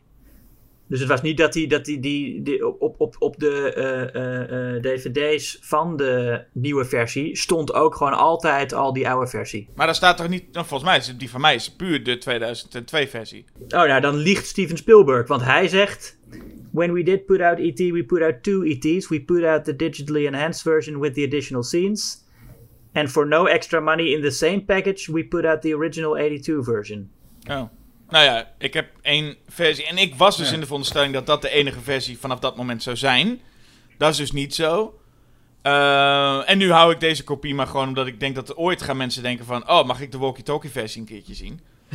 Eh, maar nee, maar het is, er zitten wat lelijke CGI in. Er zijn ook wat dingen aangepast die, waarvan je gewoon denkt... Oh, want ik heb ze wel even vergeleken. Dus er is een, een scène waarbij de maan net iets verplaatst is... en de wolken iets, iets, iets feller, weet ik veel, dat soort dingen. Dat je denkt, nou, dat slaat ook eigenlijk helemaal nergens op. Maar de, de walkie-talkies zijn wel gewoon het befaamde voorbeeld. Het is een beetje hetzelfde als met Splash... waar ze de haren langer hebben gemaakt om de kont te, eh, eh, niet in beeld te krijgen. Dat zijn van die aanpassingen omdat ze mogelijk te schokkend zouden zijn. Eh, ja, en, en ook dialogen dat eh, ehm, op een gegeven moment zegt eh, Mary, we hebben er tot nu toe Dee Wallace genoemd, maar ze heet eh, Mary. Oh ja. Ehm, dat Mike, in, eh, jij hebt dan gehoord dat Mike niet als hippie verkleed mag gaan met Halloween. Ja. En in het origineel zegt ze dat hij niet als terrorist verkleed mag gaan. Oh. Ja. En ik zie nu, ik zit nou ook even te kijken. Oké, E.T. gaat in bad in jouw versie. Ja. En wat jij net zei, dat Gertie aan Mary vertelt dat Elliot eh, op Halloween het bos in is gegaan. Ja. Toen je dat zei, dacht ik, oh, dat kan ik me niet herinneren. Maar ja, goed, dat ga, dat ga, ik, dat is, dat ga, ik, niet, dat ga ik nou niet zeggen. Ehm, ja, nee, want dat is ook weer zoiets. Jij zegt dat ik zeg, ja, oké, dat, heb ik- dat heb ik blijkbaar gemist. Maar daar hoef ik verder niet eh, eh, een heel punt van te maken. Maar nu mag je ervoor uitkomen, want dat was, zat niet in jouw versie. Maar dat zat helemaal niet in mijn versie. Kijk, daar hadden we er toch eentje. Ja. ja, ja. Nou ja, het is in principe is het ook. eh, er zijn wel vaker eh, extended cuts of director's cuts of wat dan ook. Meestal totaal oninteressant. Maar het feit dat men hier op vrij stupide wijze, wat mij betreft, die, die, walkie eh, die, die pistolen en geweren heeft vervangen door walkie-talkies. ja. Dat vind ik wel iets wat waarschijnlijk voor heel veel mensen nog eh, ja, herinnerd zal worden. Het feit dat dat zo'n stomme zet was. Ja. Nou, Maar, gelukkig eh, is Spielberg geen eh, Lucas die, bij ze, die voet blijft, bij stuk blijft houden. Die, die, ja, die altijd zegt: dit was de beste keuze. Ja. En eh, die aanpassingen, ja, die waren ook helemaal niet nodig. Alle andere aanpassingen waren ook niet gewoon... Het, het maakt het ook echt niet beter. Nee. En dat is sowieso... Ik bedoel, dan heb je het over CGI in de 2002. Nou, we hebben het, we hebben het vorige podcast over Blade uit 2002 gehad. Die CGI zou niet veel dingen waarschijnlijk verbeteren, überhaupt. Nee.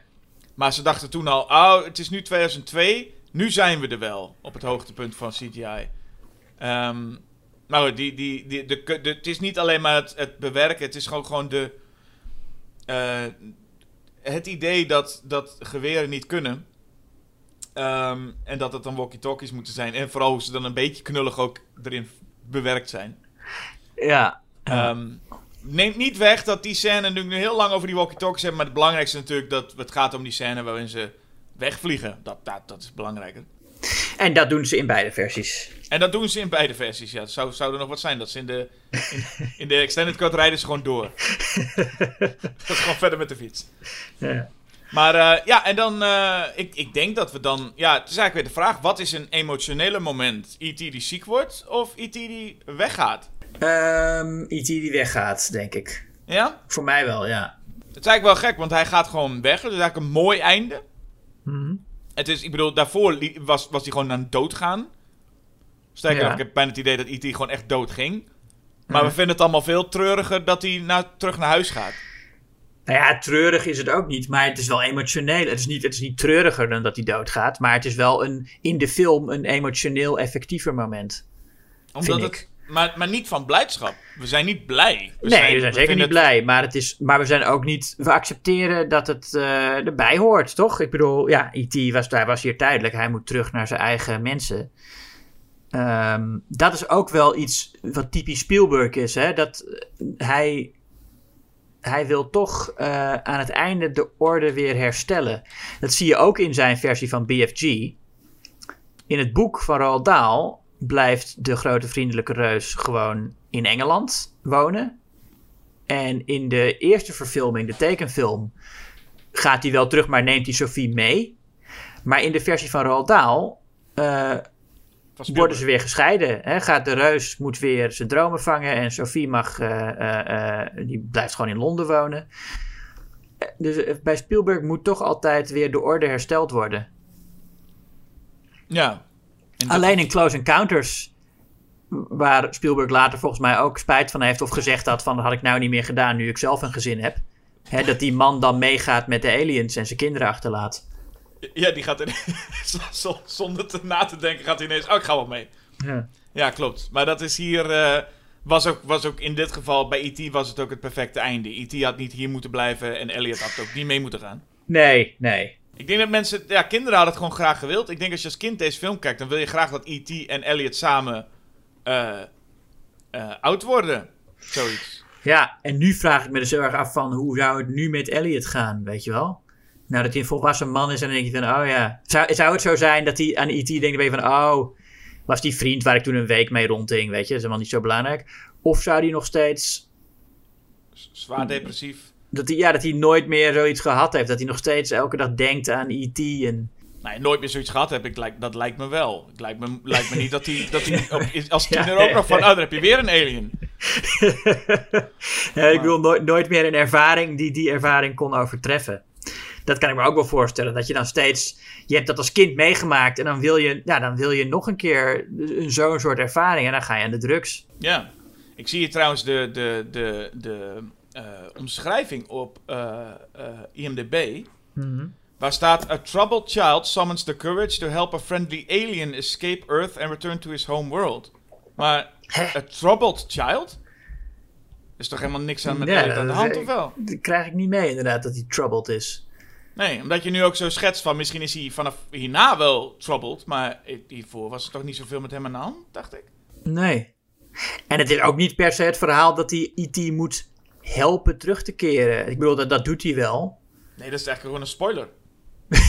Ja. Het zit, zit pas helemaal aan het eind dat ze dat gaan doen. Nou, nee, op, op, op de helft. Op, dit is wel echt even behoorlijk vroeg hoor. Het, be- het begint eigenlijk al heel snel, eh, sneller dan je zou denken. Begint hij dat eh de IT contact wil leggen met zijn thuisplaneet. Oh ja, met eh, ja, de, de phone home. De, de- waarschijnlijk Ja. ja. ook een van de bekendste... eh, misschien wel de bekendste uitspraak in een film eh, ooit. Hij kan best goed praten, hè, IT. Dat vergeet ik ook wel eens. Dat hij gewoon aan het einde echt een hele zin maakt. Eh, Daar wel een zin die Elliot ook gezegd heeft, weliswaar. I'll be right here. Wat ook een van de eerste dingen is die eh, Elliot tegen hem zegt. Ja, en, en, en je krijgt daar een beetje door dat die IT wel slimmer is en ouder is waarschijnlijk en wijzer dan dat je inderdaad denkt dat, dat het geen peuter is. Want Nou, ja, Dat dat, dat had ik wel door toen hij die telefoon bouwde. Jawel, maar ik bedoel meer van dat je, als hij dan woordjes leert, hè, oh, dit is een, eh, dit is, eh, eh, dit is een televisie en dit Ja. is wat dan ook. En dat hij dan toch nog zegt van, I'll be right here. En dan, eh, eh, waar wijst hij nou naar? Naar Elliot's hoofd. Ja, in mijn herinnering legt hij dan die vinger op Elliot's hart. Ja, dat had Maar- ik ook. Ik had verwacht dat hij, dat die vinger daar naartoe ging, maar toen ging het naar zijn hoofd. Ja, wat ik heel fijn vind trouwens, want ik had het best wel stom gevonden als hij naar zijn hart had gewezen. Want Daar wordt nooit naar gerefereerd dat dat in, in je hart eh, zit. nee, precies. En dat zou, dat zou E.T. Ik heb ook niet de indruk dat E.T. dan weet dat wij die metafoor hebben dat daar eh, de, de liefde zit of zo. Dat, dat zou, dat zou raar zijn. Dus eh, ik ben wel blij dat hij. eh, nou, volgens mij ook niet echt per se ergens naar wijst, maar dat hij gewoon dat zegt als, als, als, een, als een geruststellende in iets wat ze gedeeld hebben. Want Elliot het- zei ook, I'll be right here, voordat hij wegging. Hè? De eerste keer dat hij met E.T. in zijn slaapkamer zit, zegt hij, I'll be right here, en dan gaat hij weg. Ja, of hij wijst en hij zegt van, ik zat maar hier tussen je oren. Ik ben niet echt. het was, Elliot was toch een troubled child, die heeft het allemaal verzonnen.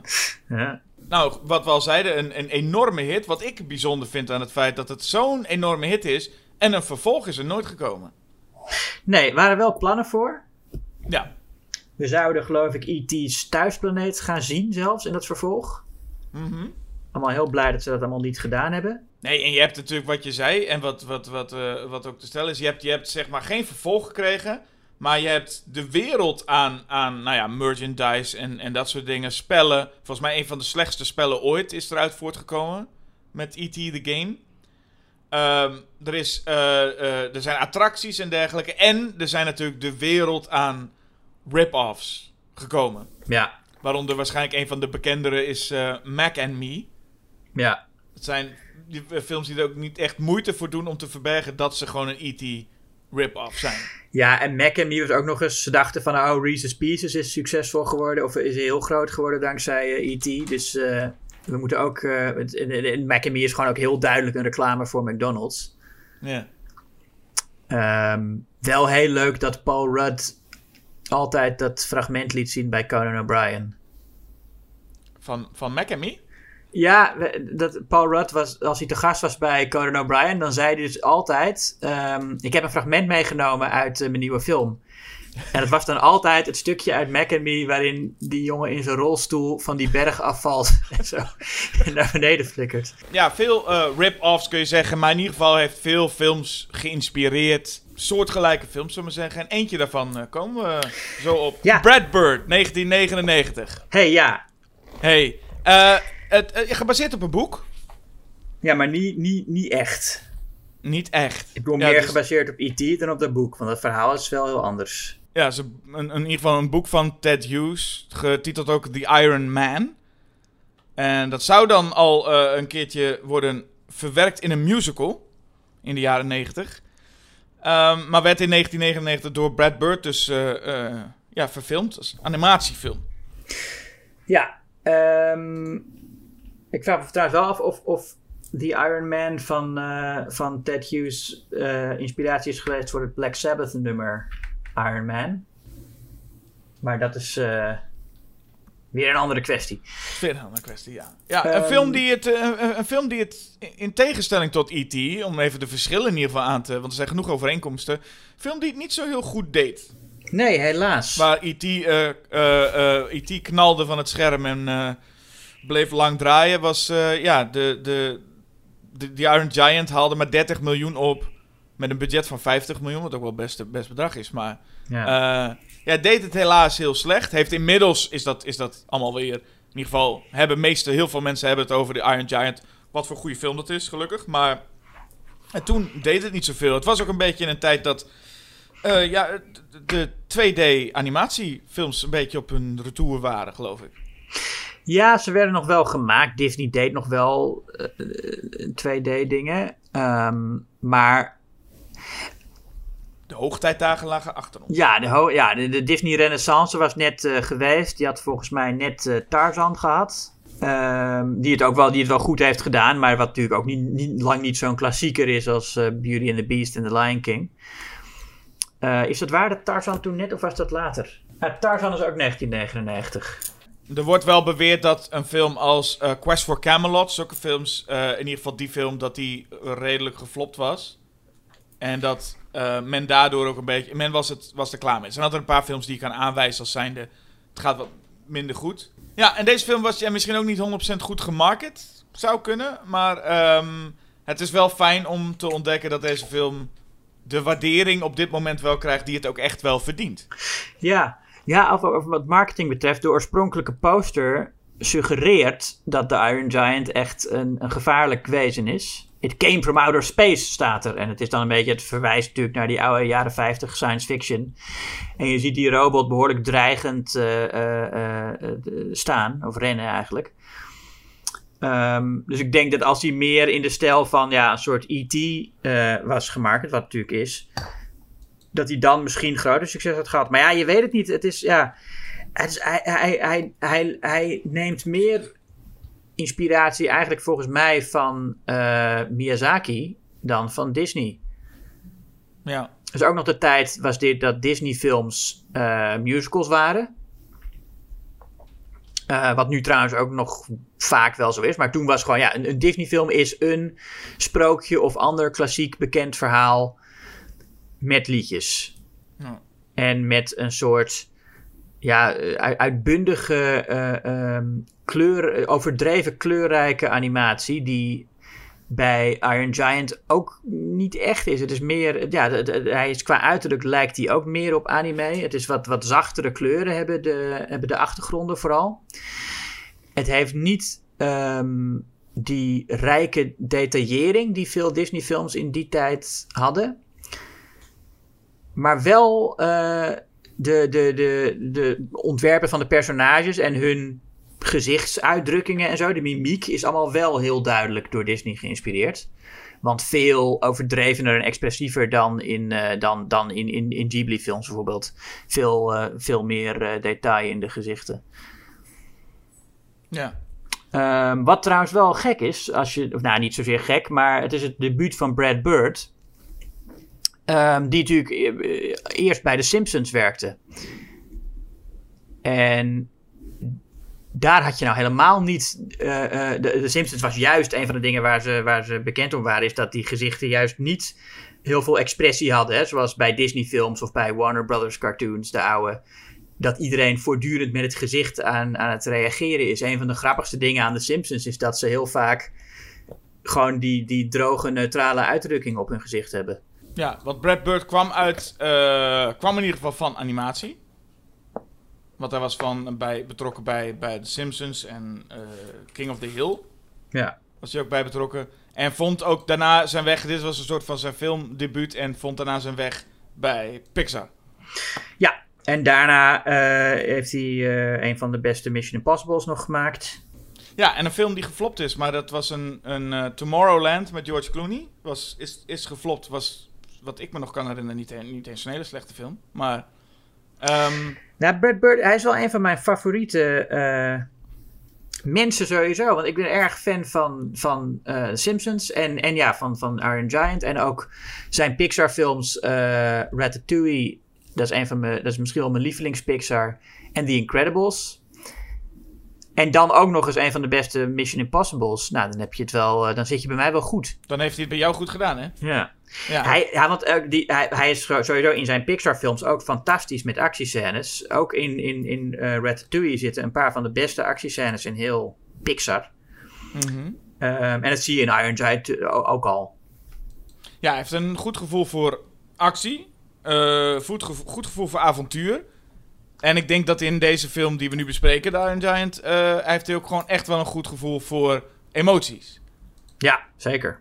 En uh, ja, het verhaal is in principe uh, gelijk aan E.T. Of in ieder geval, het is een jongen, een jonge jongen die bevriend wordt met een, nou ja, hoe zeg je dat? Een wezen uit de ruimte. Een wezen uit de ruimte, laat het zo zeggen. Daar, en de film begint, het is de, de periode van de Koude Oorlog, 1957. En we, zien, we beginnen gewoon met de Iron Giant valt uit de hemel. En ja. dat is een heel mooi, en ik vind het... Een, al meteen een hele mooie visueel ding met dat er uh, zo'n gigantisch ding in het water staat. Die schipper die ziet dat. En hier krijg je een beetje, ook al zou je, zou je naar de marketing kunnen kijken, hier krijg je wel een beetje dat we niet 100% weten of dit nou een goed of slecht iets is. Want het is een vrij dreigend ding wat daar staat. Ja. En nou vooral mooi dat die schipper denkt dat het een vuurtoren is, maar dan draait het hoofd, wat we dan nog niet weten dat een hoofd is, verder bij en zie je twee lampen. En Ik weet niet, het was het, het, een, een stijlvolle, uh, uh, uh, sferische opening. Ja, zeker. En ook lekker vlot, ook meteen met hij valt uit de lucht. Uh, scènetje geweest. We gaan door naar een scène in de diner, de diner die je al benoemde. En dan is het ook fijn dat de efficiënte vertelling door blijft gaan. Door alle personages die van belang zijn, krijgen we even, ontmoeten we even. Waaronder dus het jongetje Hogarth. En, en inderdaad zijn moeder, uh, de stem van Jennifer Aniston. Wat ik niet per se in de gaten had. Nee, ik ook niet. De eerste keer. Dat, dit was dus wel de tijd al. Dat wat natuurlijk een beetje begonnen is bij uh, Aladdin met Robin Williams. Was daarvoor ook al wel zo. Maar hij heeft dat echt uh, groot gemaakt. Dat je dan acteurs die bekend zijn om live-action dingen in tekenfilms laat uh, spelen. En toen was dat nog alleen als het echt ja, een grote sterren waren met een, een, een speciaal stemgeluid. Dat je Robin Williams als de geest of, of James Earl Jones als Mufasa of zo. Um, maar nu is het zo dat eigenlijk elk, elk belangrijk personage in een tekenfilm moet een stem van een live-action acteur hebben, ongeacht of die live-action acteur nou een bijzondere stem heeft of niet. En dan krijg je dingen als Jennifer Aniston als moeder. Ja, dan denk ik ook, ja. Niet ja, dat ik... ze het slecht doet hoor, maar. Nee, ik wou zeggen, ik denk dat ze het heel goed doet. En vooral wat mij opvalt is dat, ze het, dat, dat je het inderdaad ook niet hoort. Want zij heeft een herkenbare stem, maar ik, ik, ik, ik haal dat er niet uit. Nee, nou, dat, dat is dan eigenlijk wel dat is een compliment aan de ene kant. Aan de andere kant denk je ja. dan van ja, waarom heb je dan Jennifer Aniston? Maar goed, ze kan het, dus ja, we moeten niet zeuren. Dat denk je bij, bij, bij ik bedoel, heb je, heb je dat niet bij Vin Diesel? nou ja, die heeft nog wel, die staat natuurlijk bekend om zijn diepe stemgeluid. Ja, maar dat had je niet per se nodig, maar, aangezien die stem toch wel wordt ver vervormd. Ja, en nee, dat klopt. Ja. Dit is een beetje, Vin Diesel is, uh, is, de, is degene die, ja, ik bedoel, bij Guardians of the Galaxy zal hij ook flink verdiend hebben aan het inspreken van de zin I am Groot. Ja. Dus uh, Vin Diesel kan, kan, ik weet niet, ik, ik heb geen hoge pet op van hem als acteur, per se. Maar uh, ja, misschien zijn dit wel van die rollen die perfect ook voor hem zijn. Ja, nou, ik weet. Kijk, ik vind in Fast and the Furious vind ik hem uh, leuk omdat hij het allemaal heel serieus neemt. En da daar is hij geschikt voor in zo'n film. Dat mm. hij echt niet die ironische kniphoog heeft die veel actiesterren van nu wel hebben. Die bijvoorbeeld The Rock heeft net, net een beetje die, die, die grijns waarvan je denkt, ja, nee, hij neemt het toch net niet serieus genoeg. Ja, precies. Ja, Weet je, ja. Vin Diesel, die, die zei toen, uh, voor mij was het Furious 7 uitkwam of zo, dat hij echt geloofde dat ze voor deze film een Oscar-nominatie konden krijgen. en volgens mij geloofde hij dat ook echt. Ja, en precies. En ik, maar wat wel opvalt is dat naast Jennifer Aniston en Vin Diesel heb je even dat zijn twee grote namen. En toen waren dat ook al wel grote namen. Hmm. Uh, de rest van de cast zijn niet per se heel veel uh, echt stemacteurs. Er zitten er wel in. Bijvoorbeeld Mary Kay Bergman is echt een duidelijke stemactrice. Ja. Maar er zitten heel veel juist van die leuke bijrolacteurs die nu een stem doen. Ja. Zoals M, uh, M. Emmett Walsh zit erin. En John Mahoney. En een van de leukste, eigenlijk de, de, de perfect gecaste, uh, Christopher McDonald. Mm -hmm. En dat is wel echt, ik bedoel, dat is, uh, die, die man kan een, een pestkop slash smeerbak spelen als geen ander. Ja. En doet dat hier ook nog eens een keer fantastisch. Ja, ja, ja. En dus maar qua, qua stemmen is het inderdaad zo dat er zitten allemaal namen waarbij heel veel mensen waarschijnlijk denken wie zijn dat. En als je ze ziet dat je misschien denkt, oh die. Maar er zitten niet, behalve Jennifer Aniston die zo geen grote bekende. Want de hoofdrollen worden gespeeld door uh, Eli Marienthal en Harry Connick Jr. Dat zijn nou niet de namen waarvan iedereen denkt, ah. Nou, Harry Connick Jr. wel, maar inderdaad die, de, stem van Hogarth... Um maar waar zou, waar zou, waar zou het grote publiek uh, Harry Connick Jr. van kennen? Nou ja, uh, uh, hij zat in, in Will and Grace. Um, Oké, okay. die, die, ken ik verder niet. Was hij Will of was hij Grace? Geen van beide. Oh, oké. Okay. hij was Leo. Ja, nee, maar hij heeft verder inderdaad... Ja, ik zit te denken, wat, waar, ik bedenk waar, waar, waar ik hem nou allemaal van ken. Ja, ik ken hem dus van, ik, ik ken hem dus van niks. Maar hij, hij, hij, en hij doet het goed. Ik bedoel, het is een, maar ik had geen idee waar ik hem van ken. Hij is natuurlijk ook muzikant.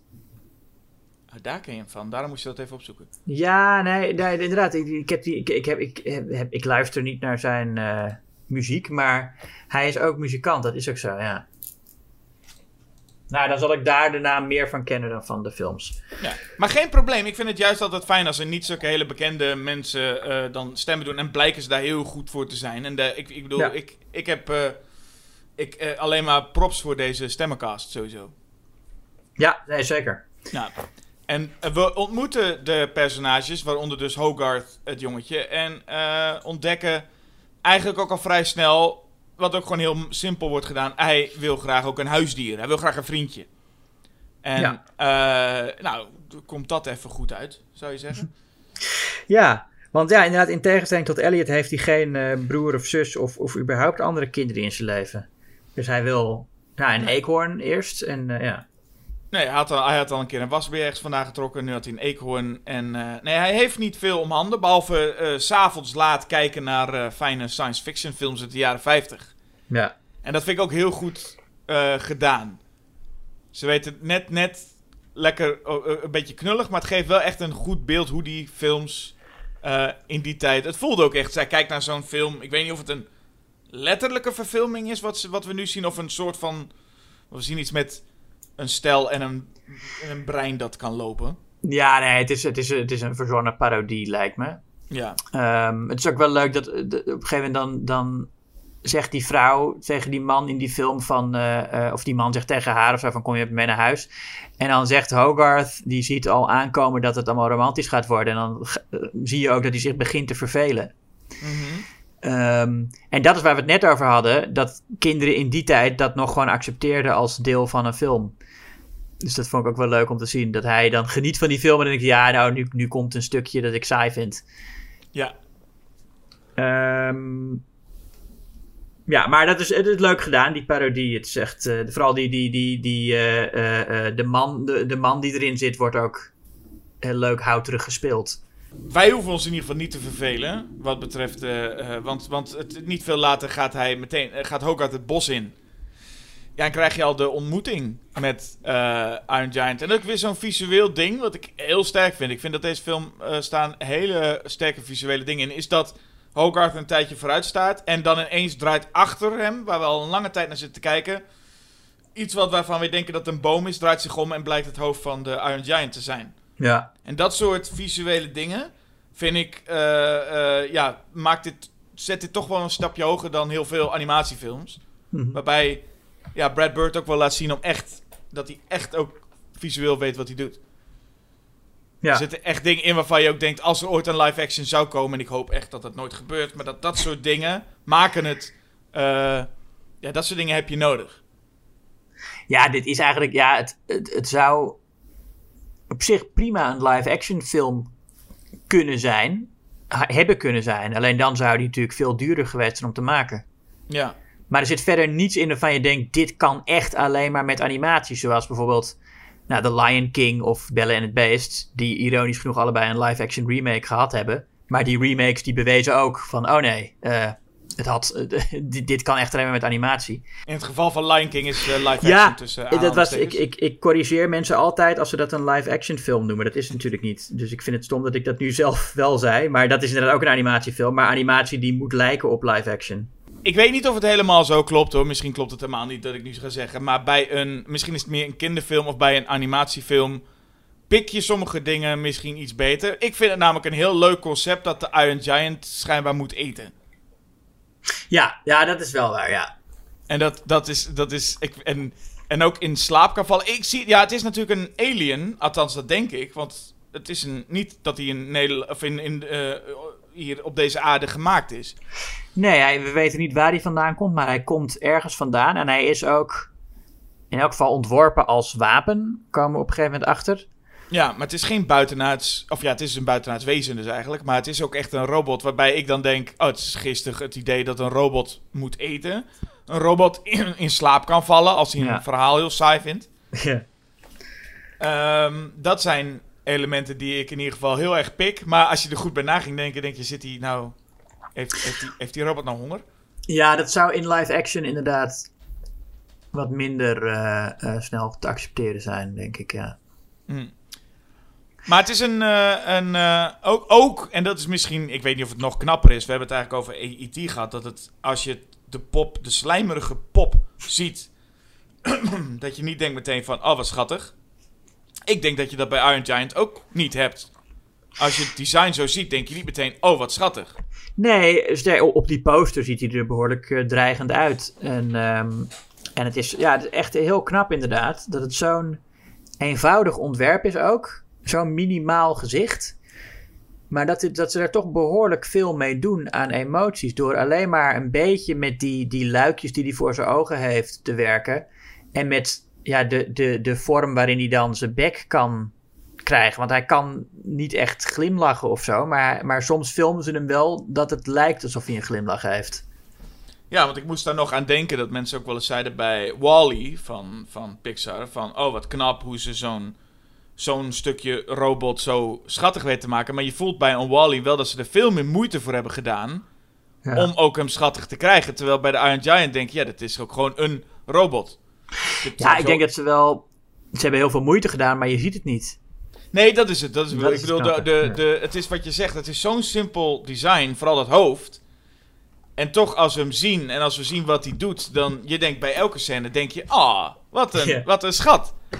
Ja, en het is ook een beetje de onhandigheid ervan. Hij heeft iets te brede schouders om handig Mhm. te zijn. En dat maakt hem ook weer wel zo'n leuke, lompe, logge reus. Ja, en zijn gedrag, hij is, hij is natuurlijk ook, ook dat, dat kinderlijke gedrag wat E.T. ook heeft, want ik moet dingen leren. Terwijl die inderdaad, Ja. in het geval van, van Iron Giant, is hij gewoon echt een wapen dat alles moet vernietigen. Ehm, maar hij moet allemaal dingen leren. En, neemt zo'n, en, en hij heeft iets, iets, hij heeft iets puppy-achtigs. Gewoon ook de manier waarop hij zich gedraagt. Hij loopt achter eh, Hogarth aan. Ja, Als hij, als hij naar huis gaat, hij, hij, hij leert bepaalde dingen. Eh, hij, hoe hij gaat zitten vind ik fantastisch. ja, ja, ja. Eh, dus dat, dat, dat geeft hem ook meteen. maar dan denk je, je hebt een heel groot brok metaal. Maar dan is het toch heel knap hoe je daar gewoon een. Nou, het gevoel van een puppy aan kan geven. Ja, het is, ook, ja, het is inderdaad ook zijn gedrag. Het is, ik moet ook denken aan, eh, opeens aan Robocop. En dat Ed 209 dan van de trap afvalt en met zijn pootjes in de lucht. Dan is hij ook al schattig. Dus het is eigenlijk helemaal niet zo moeilijk om een, om een, om een enge robot schattig te maken. Maar het is wel echt heel knap hoe ze dat hier... ehm, ja, hoe ze er ook echt een personage van maken. Ja, want je kent waarschijnlijk wel die filmpjes van die robothonden die ze nu aan het. Of die, nou ja, die nu wat goed Ja. kunnen, maar die, die dan ook vallen. Ja, en, ik had er ik- eentje gezien waarin ze er eentje omtrappen. En toen dacht Ja, ik, dat is dat gemeen. Dat is heel erg, toch? ja, ja, ja. Ja, terwijl als je iemand ziet die zijn televisie op, omver gooit, denk je, ja, dat moet je zelf weten. Maar als je dan zoiets wat met pootjes en dat probeert te lopen ja. en dat het gaat mis, dan is het ineens. eh, ja, dus misschien is het ook wel makkelijk. Dat kan ook hoor.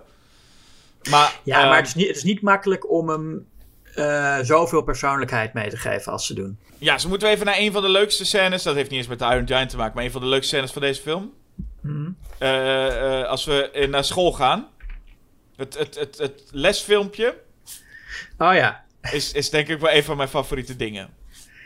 Ja, Ja, ze de, zit- de- dat wa- ze hadden inderdaad in die tijd van die korte films over hoe je je moet eh, beschermen tegen een nucleaire aanval. Ja, er zitten gewoon van die onschuldige kindertjes zitten in de klas en die kijken een filmpje en dan zegt de voice-over ineens, er is niks aan de hand. Maar dan ineens, en dan keihard, en ze schrikken er ook allemaal van, Atomic Holocaust.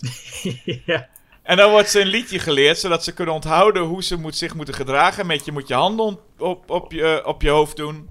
En onder de tafel gaan zitten. En als dan alles ontploft, dan ben jij veilig. ja. En dan zie je ook zo'n eh, eh, dat, dat, dat, zo'n bom. En dan alles ontploft. En alleen dat, eh, dat ene bureautje met dat meisje eronder dat staat nog. Ja, En ik vind het een, ja, ook een heel geestig liedje wat erbij zit.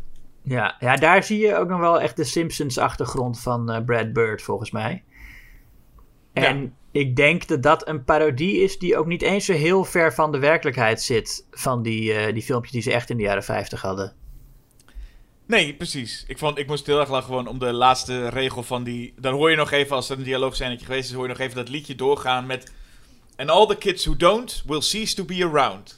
ja, ja, precies. Dat is een, een, een mooie en ook heel leuk gezongen. Een hele leuke manier om te zetten van... Als je dit niet doet, ga je dood. Ja, ja. Het, het is zo vriendelijk en zo, zo ja. Het zijn die kleine elementen. En die zitten heel veel in deze film. Hè. Er zitten zoveel hele kleine elementjes in...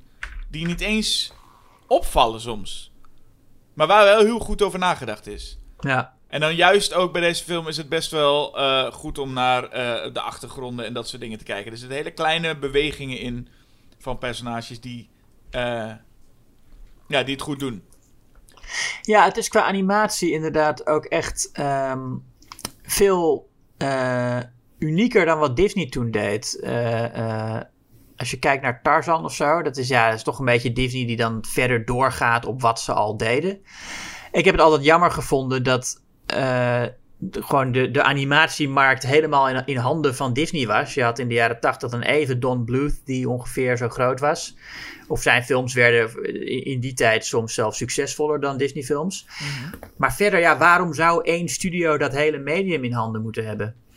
Ehm, en dan zie ik dit en dan denk ik toch, ja, dit is toch qua animatie veel interessanter dan wat Disney op dit moment deed. En de achtergronden doen me zelfs een beetje denken aan eh Hanna-Barbera in, in, in de, in de, van eh, eh, Yogi Bear. Die, die bossen, weet je, en bij Yogi Bear had je ook altijd heel eenvoudige Ja, achtergronden van een bos, dit- maar toch heel mooi. ja, het is toch een soort bepaalde sfeer neerzetten. Ja, dit is natuurlijk wel veel gedetailleerder dan Yogi Bear. Maar qua sfeer zijn zeker die, die, die herfstbomen.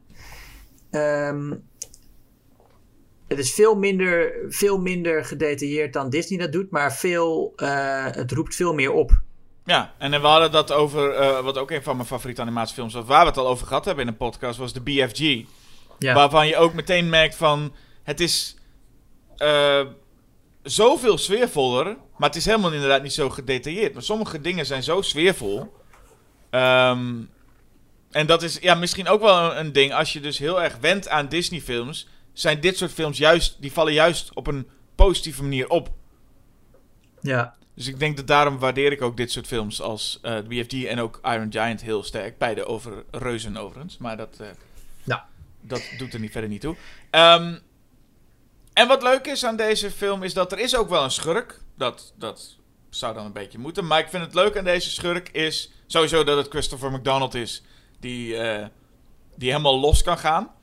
Maar ik vind het ook feit aan deze Kent Mansley, zoals het personage heet, dat hij eigenlijk eh, je zou zeggen dat zo'n personage vaak de, de, de gek is. Die al, iedereen, al weet dat zulke dingen bestaan en dan een soort van geobsedeerd is. Maar hij komt eigenlijk ook als een soort scepticus daar kijken en denkt, ja, het zal allemaal wel. Ja. En, en dan, hij weet hoe... Hij, hij, hij, hij wordt dan overtuigd en moet vervolgens de rest van de film andere mensen gaan overtuigen dat het zo is. Ja. Ja, hij denkt eerst inderdaad van het is, het is hier maar een klein gehucht. Dus eh, eh, deze plek zullen ze niet pakken. Weet je, hij is natuurlijk bang voor de Russen met, eh, met kernwapens. Zegt, ja, die, die gaan natuurlijk niet zo'n zo'n gehucht als dit aanvallen. Dus daarom wil hij er zo snel mogelijk mee weg. Maar dan komt hij inderdaad achter. En hij is wel, ehm, hij is wel super paranoïde natuurlijk. Dat is, hij, dat is hij wel al vanaf het begin. Dat hij echt eh, eh, alles wat hij niet eh, vertrouwt meteen kapot wil schieten. Ja, en dat, maar het is, het is inderdaad dat hij, wel fijn dat hij sceptisch nog begint met over Ja. deze ro- robot. Het is niet alsof hij al jaren op zoek was naar buitenaards leven of wat dan ook. Nee, nee. Ehm, en hij weet ook hoe gek het klinkt. En ik, wat ik heel leuk Hij, vond... hij, heel- weet, hij weet ook überhaupt niet dat het buitenaards is. Hij denkt altijd dat het een wapen van de Russen is. Meestal bij dit soort films heb je vaak een typetje rondlopen dat altijd heeft geloofd in buitenaards leven. En dat iedereen Ja. denkt, ja, ja, ja, het zal wel. Ja, Een beetje zoals, men, zoals de, dat personage wat door M. Emmett Walsh wordt gespeeld, die schipper. ja dat iedereen precies. zegt van ja, het zal allemaal wel. Eh, je, je bent eh, altijd dronken. Die krijgen altijd als eerste de alien te zien. Mhm. En niemand gelooft ze, want niemand heeft ze nooit geloofd. Ja, Ehm, en een van de leukste kleine dingen zit hem in als die eh, als, als, als Mansley met zijn met die generaal gaat bellen. En dan belt hij vanuit het huis van eh eh, Hogarth. Mhm. En dat hij dan even aan het bellen is en hij, hij weet hoe raar het eigenlijk klinkt. En hij wordt ook een beetje voor gek verklaard. En dan draait hij zich om en dan hangt die ovenwand daar. Met een wat raar gezicht. En dat hij gewoon even dat overwand omdraait. Gewoon. Dat hij even niet naar dat gezichtje wil kijken. Dat is heel klein. Maar ik vind het een heel leuke toevoeging. Een hele goede toevoeging om het zo te doen. ja, nee, precies. Dat soort details zijn toch wat eh, uiteindelijk je, eh, eh, eh, die wereld van die film tot leven brengt. Ja, en als we het net over E.T. gehad hebben. Een van de, de, de meest overduidelijke E.T. is natuurlijk als... nou ja, Hogarth moet verbergen dat er iets in hun huis is. Terwijl moeder daar ook zit. En dat Ja. gaat in dit geval om de hand. Die op een of andere manier kan horen. En zien, volgens mij. En, en zien. En ja. En, dat- maar, en die ook als een hond zich gedraagt. Ja, maakt die hand ook meteen lief. Ja, en die loopt dan door, door het huis heen. eh, ehm, en dat is dan echt zo'n zo'n typisch iets wat waarschijnlijk in al die rip-offs van E.T. ook gebeurt. Is het hele verstoppend voor de volwassenen. En dat is in dit geval nog moeilijker, omdat het echt om een, om een, om een gigantische robothand gaat. Die Ja. waarschijnlijk ook wel meer geluid zou moeten maken. Maar goed, dat is dus, die heeft, hij heeft nog wel wat te doen om dat te moeten verbergen. En een heel geestig moment vind ik dat... Die hand is dus de hele tijd aan het rondlopen. En, en een gegeven moment komt dus en die moeder, maar ook die, die, die mens die komt in dat huis. En dan rent Hogarth naar boven en dan ziet hij wat die hand aan het doen is. Die is op het toilet de wc-rol zo aan het afdraaien. Ja. Dat is dan de activiteit die die, die hand aan het doen is. Een soort van, ik ben door het huis aan het gaan en ik denk, oh, dat vind ik wel leuk. En dan gaat hij zo die wc-rol met wc-papier afdraaien. ja, dat doen katten ook wel eens. Dat vinden katten ook leuk. Dat geloof ik heel erg, ja. Ja, wat ik, wat ik, want, want Kent Mansley heeft op een gegeven moment ook eh, de kamer gehuurd. Ze Ja. hebben een kamer te huur. Net zoals in E.T. heeft, is, is Hogarth's vader eh, buiten beeld. Ik weet niet of we ooit erachter kwamen waar, of, of die overleden is of weggegaan is. Nee, in E.T. wordt er dus nog wel een, eh, naar gerefereerd. Ja, zit hij in Mexico? Maar in hier wordt er niet, eh, niet naar gerefereerd waar, de- wat, waar de vader überhaupt is. Nou, ja, hoeft ook niet. Maar we weten wel dat, dat eh, eh, ehm, ze dus een kamer vrij hebben die ze graag willen verhuren. Althans, die moeder die, die, die, zegt: We hebben eindelijk onze kamer verhuurd. En dan zit Kent Mens- Mansley daar. En dan krijg je ook een heel leuke sequentie. Dat Mansley de hele tijd Hogarth aan het eh, ondervragen is. En, en wat voor woorden zegt hij? Hij zegt champ en chief. Hij heeft Ja. allemaal bijnamen voor hem. Ja, maar ook het idee dat zo'n man die gewoon alleen maar puur daar is om een kamer te huren. Je moet je voorstellen dat je ergens een bed and breakfast en een kamer huurt. En dat je dan het kind wat daar woont, die is aan het bellen. En dat je dan naartoe loopt en zegt, wie was dat? ja, ja. Hè? Met wie was je aan het praten? Hoezo? Eh, Hoe, Ja. zit het allemaal? Maar ja, nee, hij, hij is heel opdringerig. Eh, en weet allemaal wat hij wil natuurlijk. En Hogarth ook. Ehm, maar het is een leuk spel tussen die twee. Ja, vooral omdat, omdat Mansley nu nog denkt dat hij een beetje charmant is en dat dat kind erin gaat trappen. Ja. Terwijl wij weten natuurlijk dat Hogarth eh, al lang door heeft wat er aan de hand is. En ehm, ja, dan komt hij van hem af met, met eh, laxeermiddel. Ja, hij moet hem steeds kwijt zien te raken. Want, ehm, en op zich wel handig. Ik bedoel, de Iron Giant moet je ergens kwijt. Wat natuurlijk een stuk moeilijker is dan E.T. kwijtraken. Je moet Ja. zo'n zo'n zo'n zo'n reus kwijtraken. Ehm, en dat ze dat dus op de schroothoop doen. En dat is dan de schroothoop van Dean, die we ook al in de diner in het begin hadden ontmoet. Ja, Dean is een, is een gekke beatnik kunstenaar. En die zegt ook al meteen tegen Hogarth van... Nou, ik, ben niet, eh, ik, ik ga je niet aangeven bij de autoriteiten als je hem voor het eerst ziet. Want zo ben ik niet. Eh, dus dat is wel goed dat, dat, je, nou ja, dat, dat je in dat dorpje ook... Ik, ik neem aan dat hij gewoon de enige is daar, weet je wel. Dat je één zo'n man hebt die ook door de rest van het dorp waarschijnlijk een beetje raar wordt gevonden. Mhm. Ehm, dat is dan de ideale plek inderdaad om je Iron Giant eh, ook bij te verbergen. Ja. Eh, gekke jazzgast ook. Misschien is daarom ook wel de, de Harry Connick Jr. link.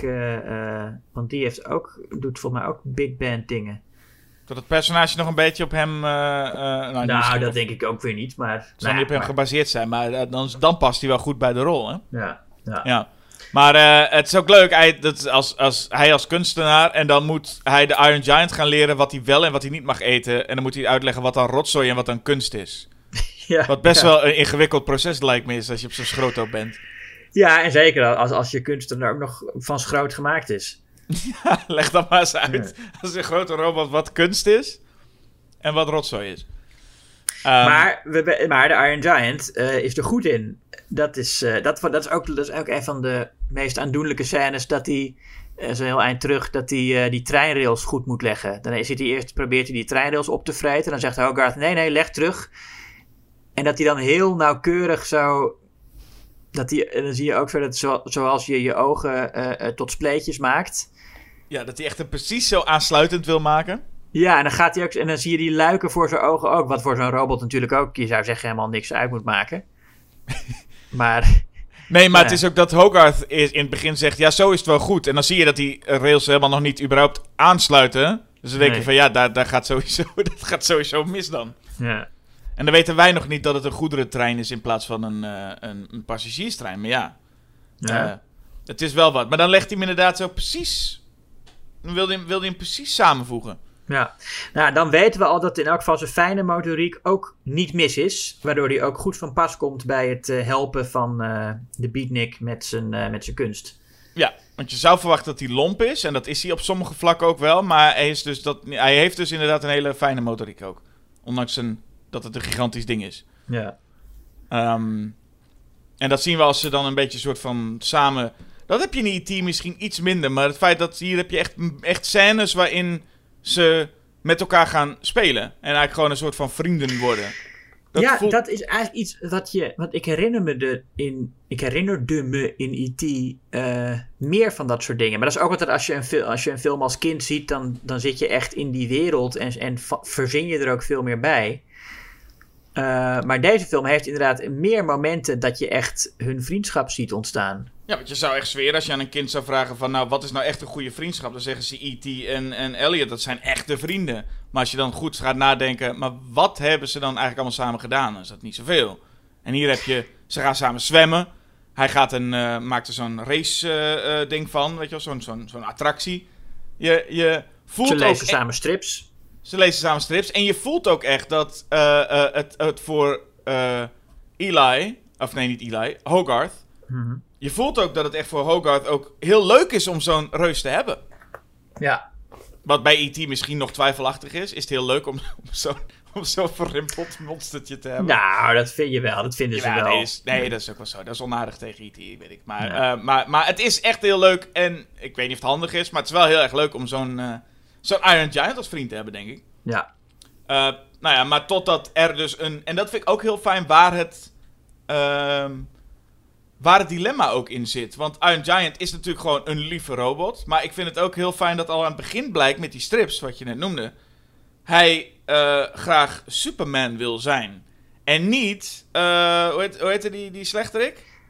Atomo, geloof ik. Atomo, ja. Dat hij niet Atomo de slechterik wil zijn, want dat is ook een robot. Nee, hij wil Superman zijn. Ja, dat is, dat is een, ook een hartverscheurend moment, vind ik. Dat hij dus ontdekt dat hij in die strips eigenlijk meer lijkt op de schurk. En vooral dat Hogarth daar het probleem in eerste instantie niet van ziet. Dat is zo mooi, dat Hogarth denkt van, dat is gewoon niet erg. Nee, dat is, maar jij, jij bent niet zo.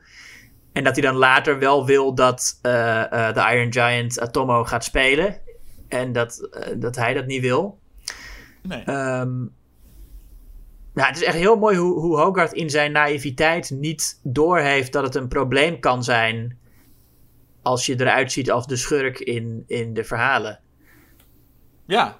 Ja, dat is inderdaad. En dat zie je ook aan, aan Iron Giant, die koste wat koste Superman wil zijn. Ja.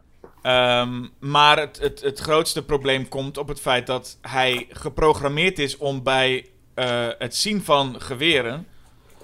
Of, of misschien bij een soort van het zien van bepaald geweld, in ieder geval in de verdediging gaat. En dan Ja. worden zijn ogen ook rood. Ehm, en dat is denk ik nog het, het meest het ding. En dat is zoals, zo heeft Brad Bird ook destijds de film gepitcht. Als zijn hij wil een film maken waarbij hij zegt... wat als een pistool geen pistool zou willen zijn? ja. En dat is wat we hier dus heel erg krijgen. Dat hij is eigenlijk ook... Nou ja, slechterik, weet ik niet. Maar hij is in ieder geval wel geprogrammeerd voor geweld. En dan wil hij dat niet zijn. Hij wil Superman zijn. Dat is echt dat is een heel mooi thema. Ja, en, en, en de boodschap is dat je zelf mag kiezen wat je bent. Wat nu wel een eh, gebruikelijke boodschap is. Maar in die tijd was Disney toch nog vooral van... eh, je moet juist... De orde moet blijven. Hè? Dus de, de Lion King is Simba wil geen koning zijn. Maar dan komt hij erachter dat hij dat toch moet doen. Want het is nou eenmaal zijn, zijn bestemming. En het is, Ja, in, de, in heel veel Disney films is dat zo. Dat, dat je, het gaat over het herstellen van de orde. Van, En oh, bij ook van dit is, dit is je lot. Dit moet jij Ja. gaan doen. Ja, precies. En dat is bij E.T. ook zo. Dat ze aan het einde gaat E.T. weer terug. Ehm, en bij, ja, bij Brad Bird, in elk geval in deze film, maar ik denk ook aan Ratatouille. Ratatouille dat de rat Remy eh, een kok wil worden. En dat hij dat ook gewoon kan. Dat het lukt. En dat aan het einde inderdaad je gewoon een restaurant hebt waar een rat de kok is. Dat zou, ik denk, in, in, in, een, in een uh, nou, dat is natuurlijk ook een Disney-film, maar in een, in een niet-Pixar Disney-film was het misschien eerder geweest dat die rat had ontdekt van, oh, ik hoef helemaal geen kok te worden, ik kan gewoon als rat een leuk leven leiden. Ja, precies. Dat je wel ontdekt van, oh, ik kan het ook zo. Als het maar een beetje weer, wat je net zo wat Spielberg dus ook deed bij E.T., een beetje de orde weer herstellen. Zo van, het moet wel gewoon blijven of zo. Ja, precies. Ja. Maar ik heb iets geleerd. En, en ik vind het ook wel fijn aan, aan Iron Giant dat het feit dat dat hele dilemma bij de Iron Giant zit. En niet zozeer bij Hogarth. Ja. De, de, de Iron Giant maakt die dingen uh, mee. Want je ziet bij E.T. en zo zie je toch dat Elliot maakt bepaalde dingen door en dat bepaalde dingen mee. En E.T. is daarbij. Ik vind het fijn dat hier de Iron Giant zelf ook gewoon een heel complex, mooi verhaal eigenlijk heeft. Ja, ja, en ook iets waar, wat, wat ook, denk ik, voor mensen meer herkenbaar is. Want ik, als je, ik vraag me af, ik denk niet dat heel veel mensen zich in E.T. zullen herkennen. Terwijl bepaalde dingen van de Iron Giant. Ik weet bijvoorbeeld van een, een paar mensen die ik ken die uh, uit, uit Rusland komen, die als kinderen naar Nederland geëmigreerd zijn. Dat die er erg van schrokken dat in veel kinderfilms ook de schurken een Russisch accent hebben. Ja, ja, precies. En die, ja, dat is de, kun je toch meer identificeren met uh, de Iron Giants die ervan schrikt dat de schurken robots zijn. Ja. Kijk, en dan hebben we het over uh, uh, hartverscheurend. En dan moeten we ook naar het einde toe, waarbij je ook zegt: het einde is ook enorm ontroerend dat de Iron Giant dat ook kan gaan doen. De keuze maakt om Superman te zijn. Ja, ja, dat is, uh, dat, het is nog nooit. Ik heb die film een paar keer gezien. Ik heb, het, is, het is nog nooit dat ik niet moest huilen bij dat moment. En het is een heel mooi. Het maakt het ook heel mooi rond. Want hè, dat is wat bij E.T. ook gebeurde. En hier gebeurt het ook met uh, de woorden die uh, Hogarth eerst tegen hem zei, worden nu opnieuw gebruikt. Ja. Waarbij Hogarth in het begin zei, omdat hij steeds als een puppy achter hem aanliep, van nee, you stay, I go. Ja. En dat in dit geval dus de Iron Giant tegen hem zegt, you stay, I go. No following. No following. En dan dus omhoog vliegt en dan inderdaad ja, voor zichzelf ook weet van ik ben geen wapen, ik ben ook geen Atomo, ik ben Superman. Ja. En zo de wereld, of in ieder geval dat uh, specifieke plaatsje, maar ik denk wel meer dan dat plaatsje, red. Ja. Ja, en uh, daarvoor zit natuurlijk wel um, een beetje het spektakel waar je voor gekomen zou kunnen zijn als je net de poster af, afgekomen was. Hè? Met, met een gigantische robot die uh, dingen kapot schiet. Ja. Het is wel leuk dat dat er ook in zit. Um, eventjes. Je ziet wel altijd, dat is wel geinig, dat hij schiet dan op al die tanks, maar we zien wel eerst alle soldaten daar wegrennen. Zo snel uit die tanks klimmen en wegrennen voordat de tank kapot geschoten wordt. Ja. Uh, nou ja, dat is ook logisch natuurlijk. Hij gaat ook los, maar het is uiteindelijk allemaal de schuld van de uh, uh, mensen die steeds iets slechter ook wordt, hè? Want hij begint ja. met het feit dat hij gewoon die Iron Giant wil, wil inrekenen, maar hij wil gewoon eigenlijk die, die hem kapot hebben. En ja. liegt ook dat, dat de Iron Giant Hogarth zou hebben vermoord. Ja. En uh, daarna blijft hij ook, ook zelfs als iedereen, inclusief de generaal, ervan overtuigd is... nee, dit is wel goed zo, blijft hij roepen van vuur die bom af. En dat ja. maakt hem echt wel een enorm slecht figuur. Maar het blijft een beetje luchtig gedaan toch wel. Ja, omdat het ook grappig is. En, en, en omdat het echt puur uh, emotie is allemaal. Het begint inderdaad dat het nog een, gewoon, hij doet zijn werk. Maar op een gegeven moment uh, overmand de emotie en de frustratie dat het hem telkens niet gelukt is. En de vernedering. En dan draait hij helemaal door. En dat, is, dat heeft ook een komische kant. Ja, en vooral het feit dat als er eenmaal is van... Oké, okay, de generaal heeft ook geaccepteerd, die bom is naar me afgegaan. We sterven hier voor vaderland. En dat hij, dat hij dan zegt... Ja, fuck vaderland, ik ben weg. Ja. En dan gaat hij er vandoor probeert hij. We zien eigenlijk niet hoe het dan verder met hem afloopt, hè? Nee, ik... We zien dat hij, nou, dat hij tegengehouden wordt en daar moet blijven. Vind ik ook wel fijn eigenlijk, omdat eh, je vult het wel in. Ja, ik. tuurlijk. Ja, hij ik zal denk... niet meer die positie hebben. Ik, ik gok dat hij überhaupt uh, vast zit. Want het is toch een soort van poging ja. tot moord, zou je hem Ja, zou... nee, dat is, dat is waar. Nee, ja, nee, nee, dus je zou zelfs kunnen zeggen landsverraad. Dat hij... Ja, ja. Nee, ik, de, de, de, zou, ik denk, maar het is in ieder geval niet goed afgelopen met hem, lijkt mij.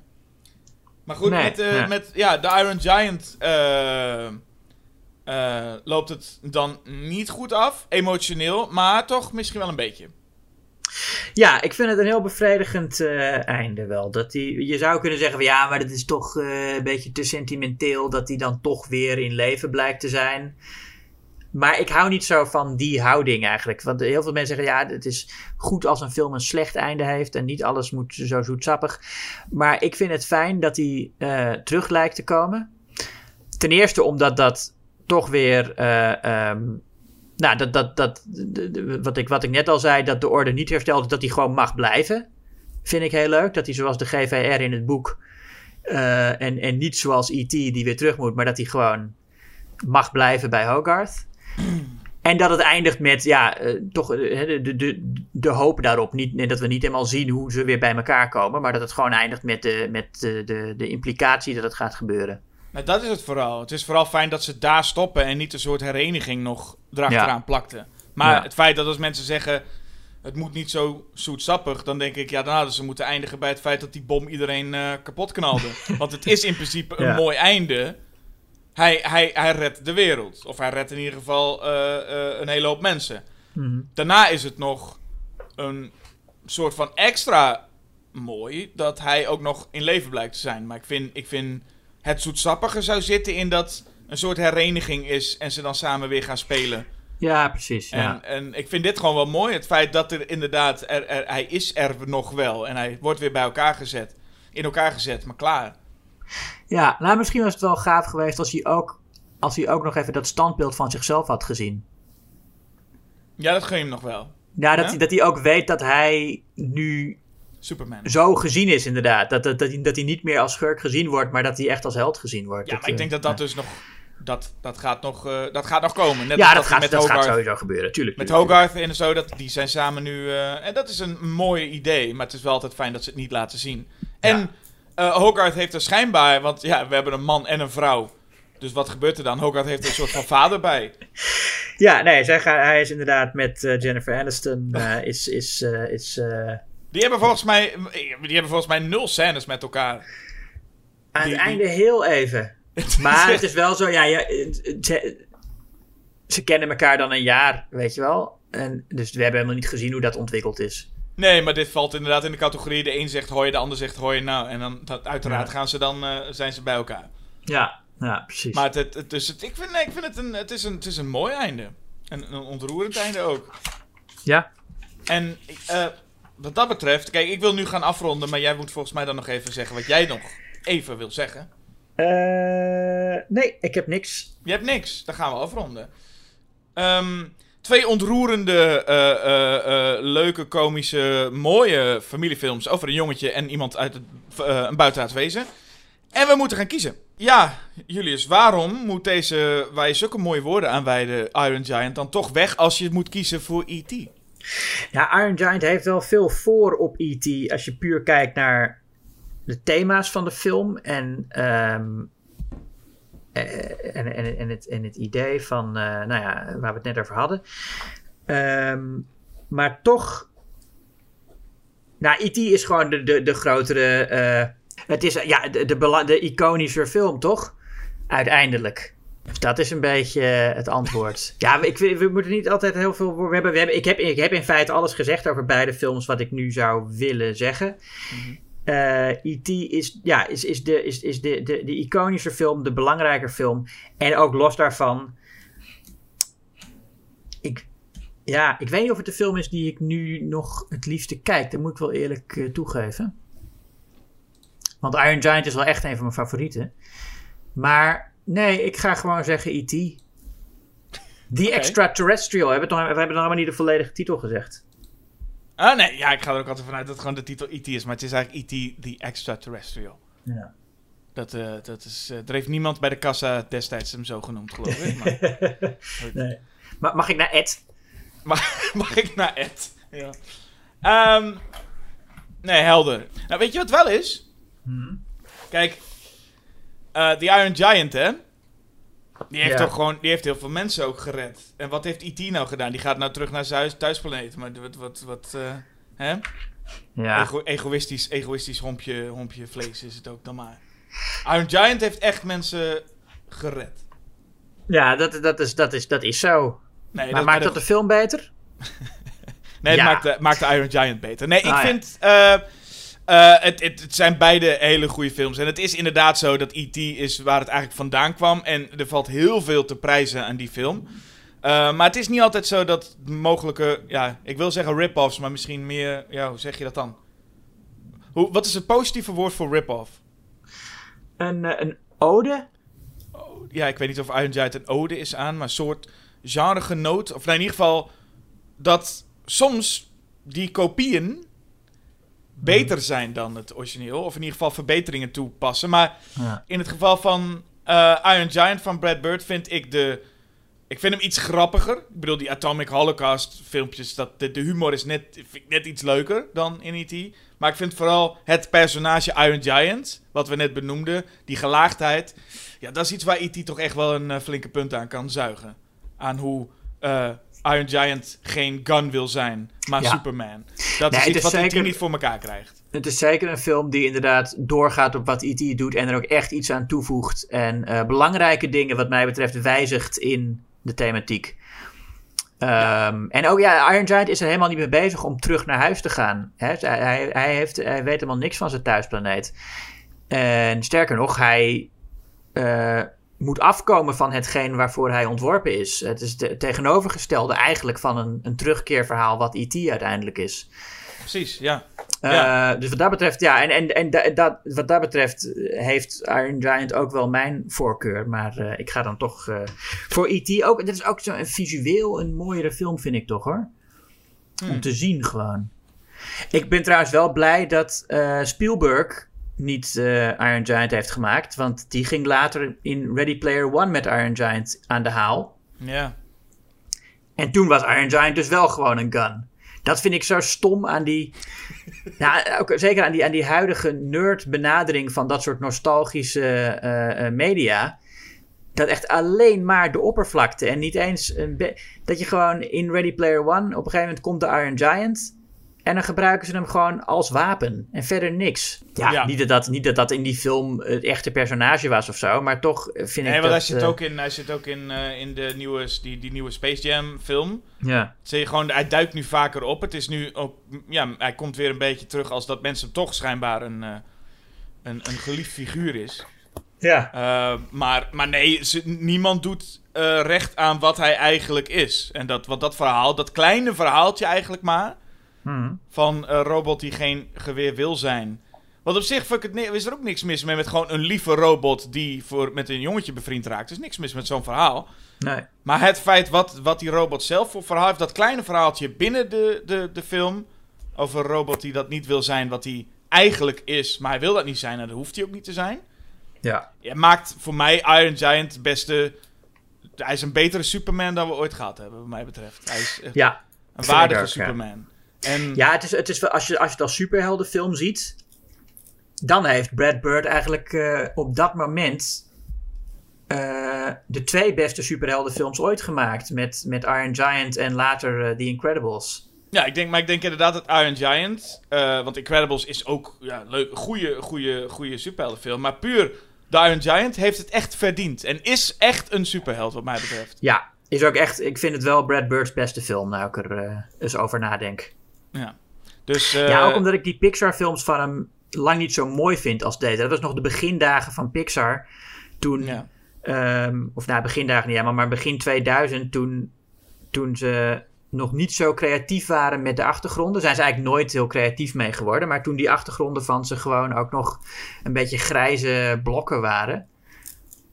ehm, vind ik deze film toch een- zeker zijn mooiste animatiefilm om te zien. Nou ja, en, en het eh, laatste wat ik nog kan zeggen is dat weet je, in mijn universum, waarin dus de Iron Giant blijft, maar E.T. weggaat, hebben we altijd nog Mac and Me. Dus de, weet je, maar goed.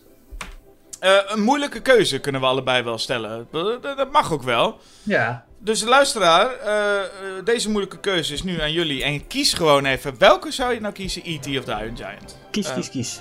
Misschien heb je wat aan ons verhaal gehad, misschien wel niet. Ehm, maar ik zou in ieder geval, laat ik dan even adviseren, kijk allebei. Gewoon nog een keer. Ja. Dat, dat kan ik na deze, eh, ja, na beide films nu recent gezien te hebben. Ik vind dat je ze allebei, kijk ze gewoon nog een keer. Ja, zeker. Eh, wat moeten luisteraars verder nog doen, uh, Julius, dan? Je moet uh, liken en subscriben en berichtjes achterlaten, comments en zo, hoe je het vond. En recensies van de podcast schrijven, als je, dat, als je daar zin in hebt. Hè? En mocht je nou denken van, goh, ik wou dat ik gewoon, zeg maar eens in de twee maanden een een, een, een tijdschrift uh, in de bus kreeg. Waar Julius en Jasper allebei van uh, in de redactie zitten. En waar ze dan allemaal artikelen over films schrijven. Waarom kan dat nou niet? Dan heb ik goed nieuws, want dat kan dus wel. Dan moet je een abonnement nemen op Schokkend Nieuws. En dan zijn je problemen ook in één keer opgelost, hè? Ja, dan zijn je problemen opgelost. En dan, en dan ben je helemaal, helemaal tevreden. En dan ga je lekker met een kop koffie of een kop thee. Ga je dat blad zitten lezen. Op de bank. Met je poes op schoot. Is toch heerlijk? Ik weet niet hoe het voor die poes is, maar uh, uh, dit, dit, dit, klinkt als een goed scenario. Dus ga naar schokkennieuws.nl en word abonnee. Ja, doe dat. En uh, nou, wat gaan we volgende keer doen, Jasper? Ja, ik wou net zeggen, mensen, luisteraars kunnen ook nog eens keer wel gewoon zeggen wat voor, uh, wat voor dingen ze ons willen laten. Nou, ik wou zeggen wat voor dingen ze ons willen laten doen, maar dat, zo werkt deze podcast niet. nee. Het gaat eigenlijk, het is eigenlijk zover, je mag opperen welke films je wil dat we tegenover kan nemen. En als we er zin in hebben, doen we het. Zover willen we ongeveer gaan. Ja. Uh, de volgende is niet door een luisteraar bedacht, dat hebben we gewoon zelf bedacht. En we gaan het hebben over kleine beestjes, namelijk Piranha. Die film van Joe Dante uit de jaren 70. Tegen Arachnophobia. Yes. Dus we blijven een beetje in de Stephen King, uh, Steven Spielberg uh, sfeer. Ja, want hij, want hij heeft de film geproduceerd. Dus, uh, dat gaan we volgende keer doen. Voor nu zou ik alleen maar zeggen, bedankt Julius. Oh ja, ja, ook bedankt Jasper. Alsjeblieft. En ook bedankt luisteraar. En tot de volgende keer. Tot volgende keer. Time to duck and cover, the bombs are coming down. A radiation shower will pour throughout your town. Hands over your head, keep low to the ground. Time to duck and cover, the bombs are coming down. Duck and cover, duck and cover. Get under the desk with your sister and your brother. Duck and cover, duck and cover. That goes double for your dad and your mother. So hands over your head, keep low to the ground. Cause all the kids that don't will cease to be around.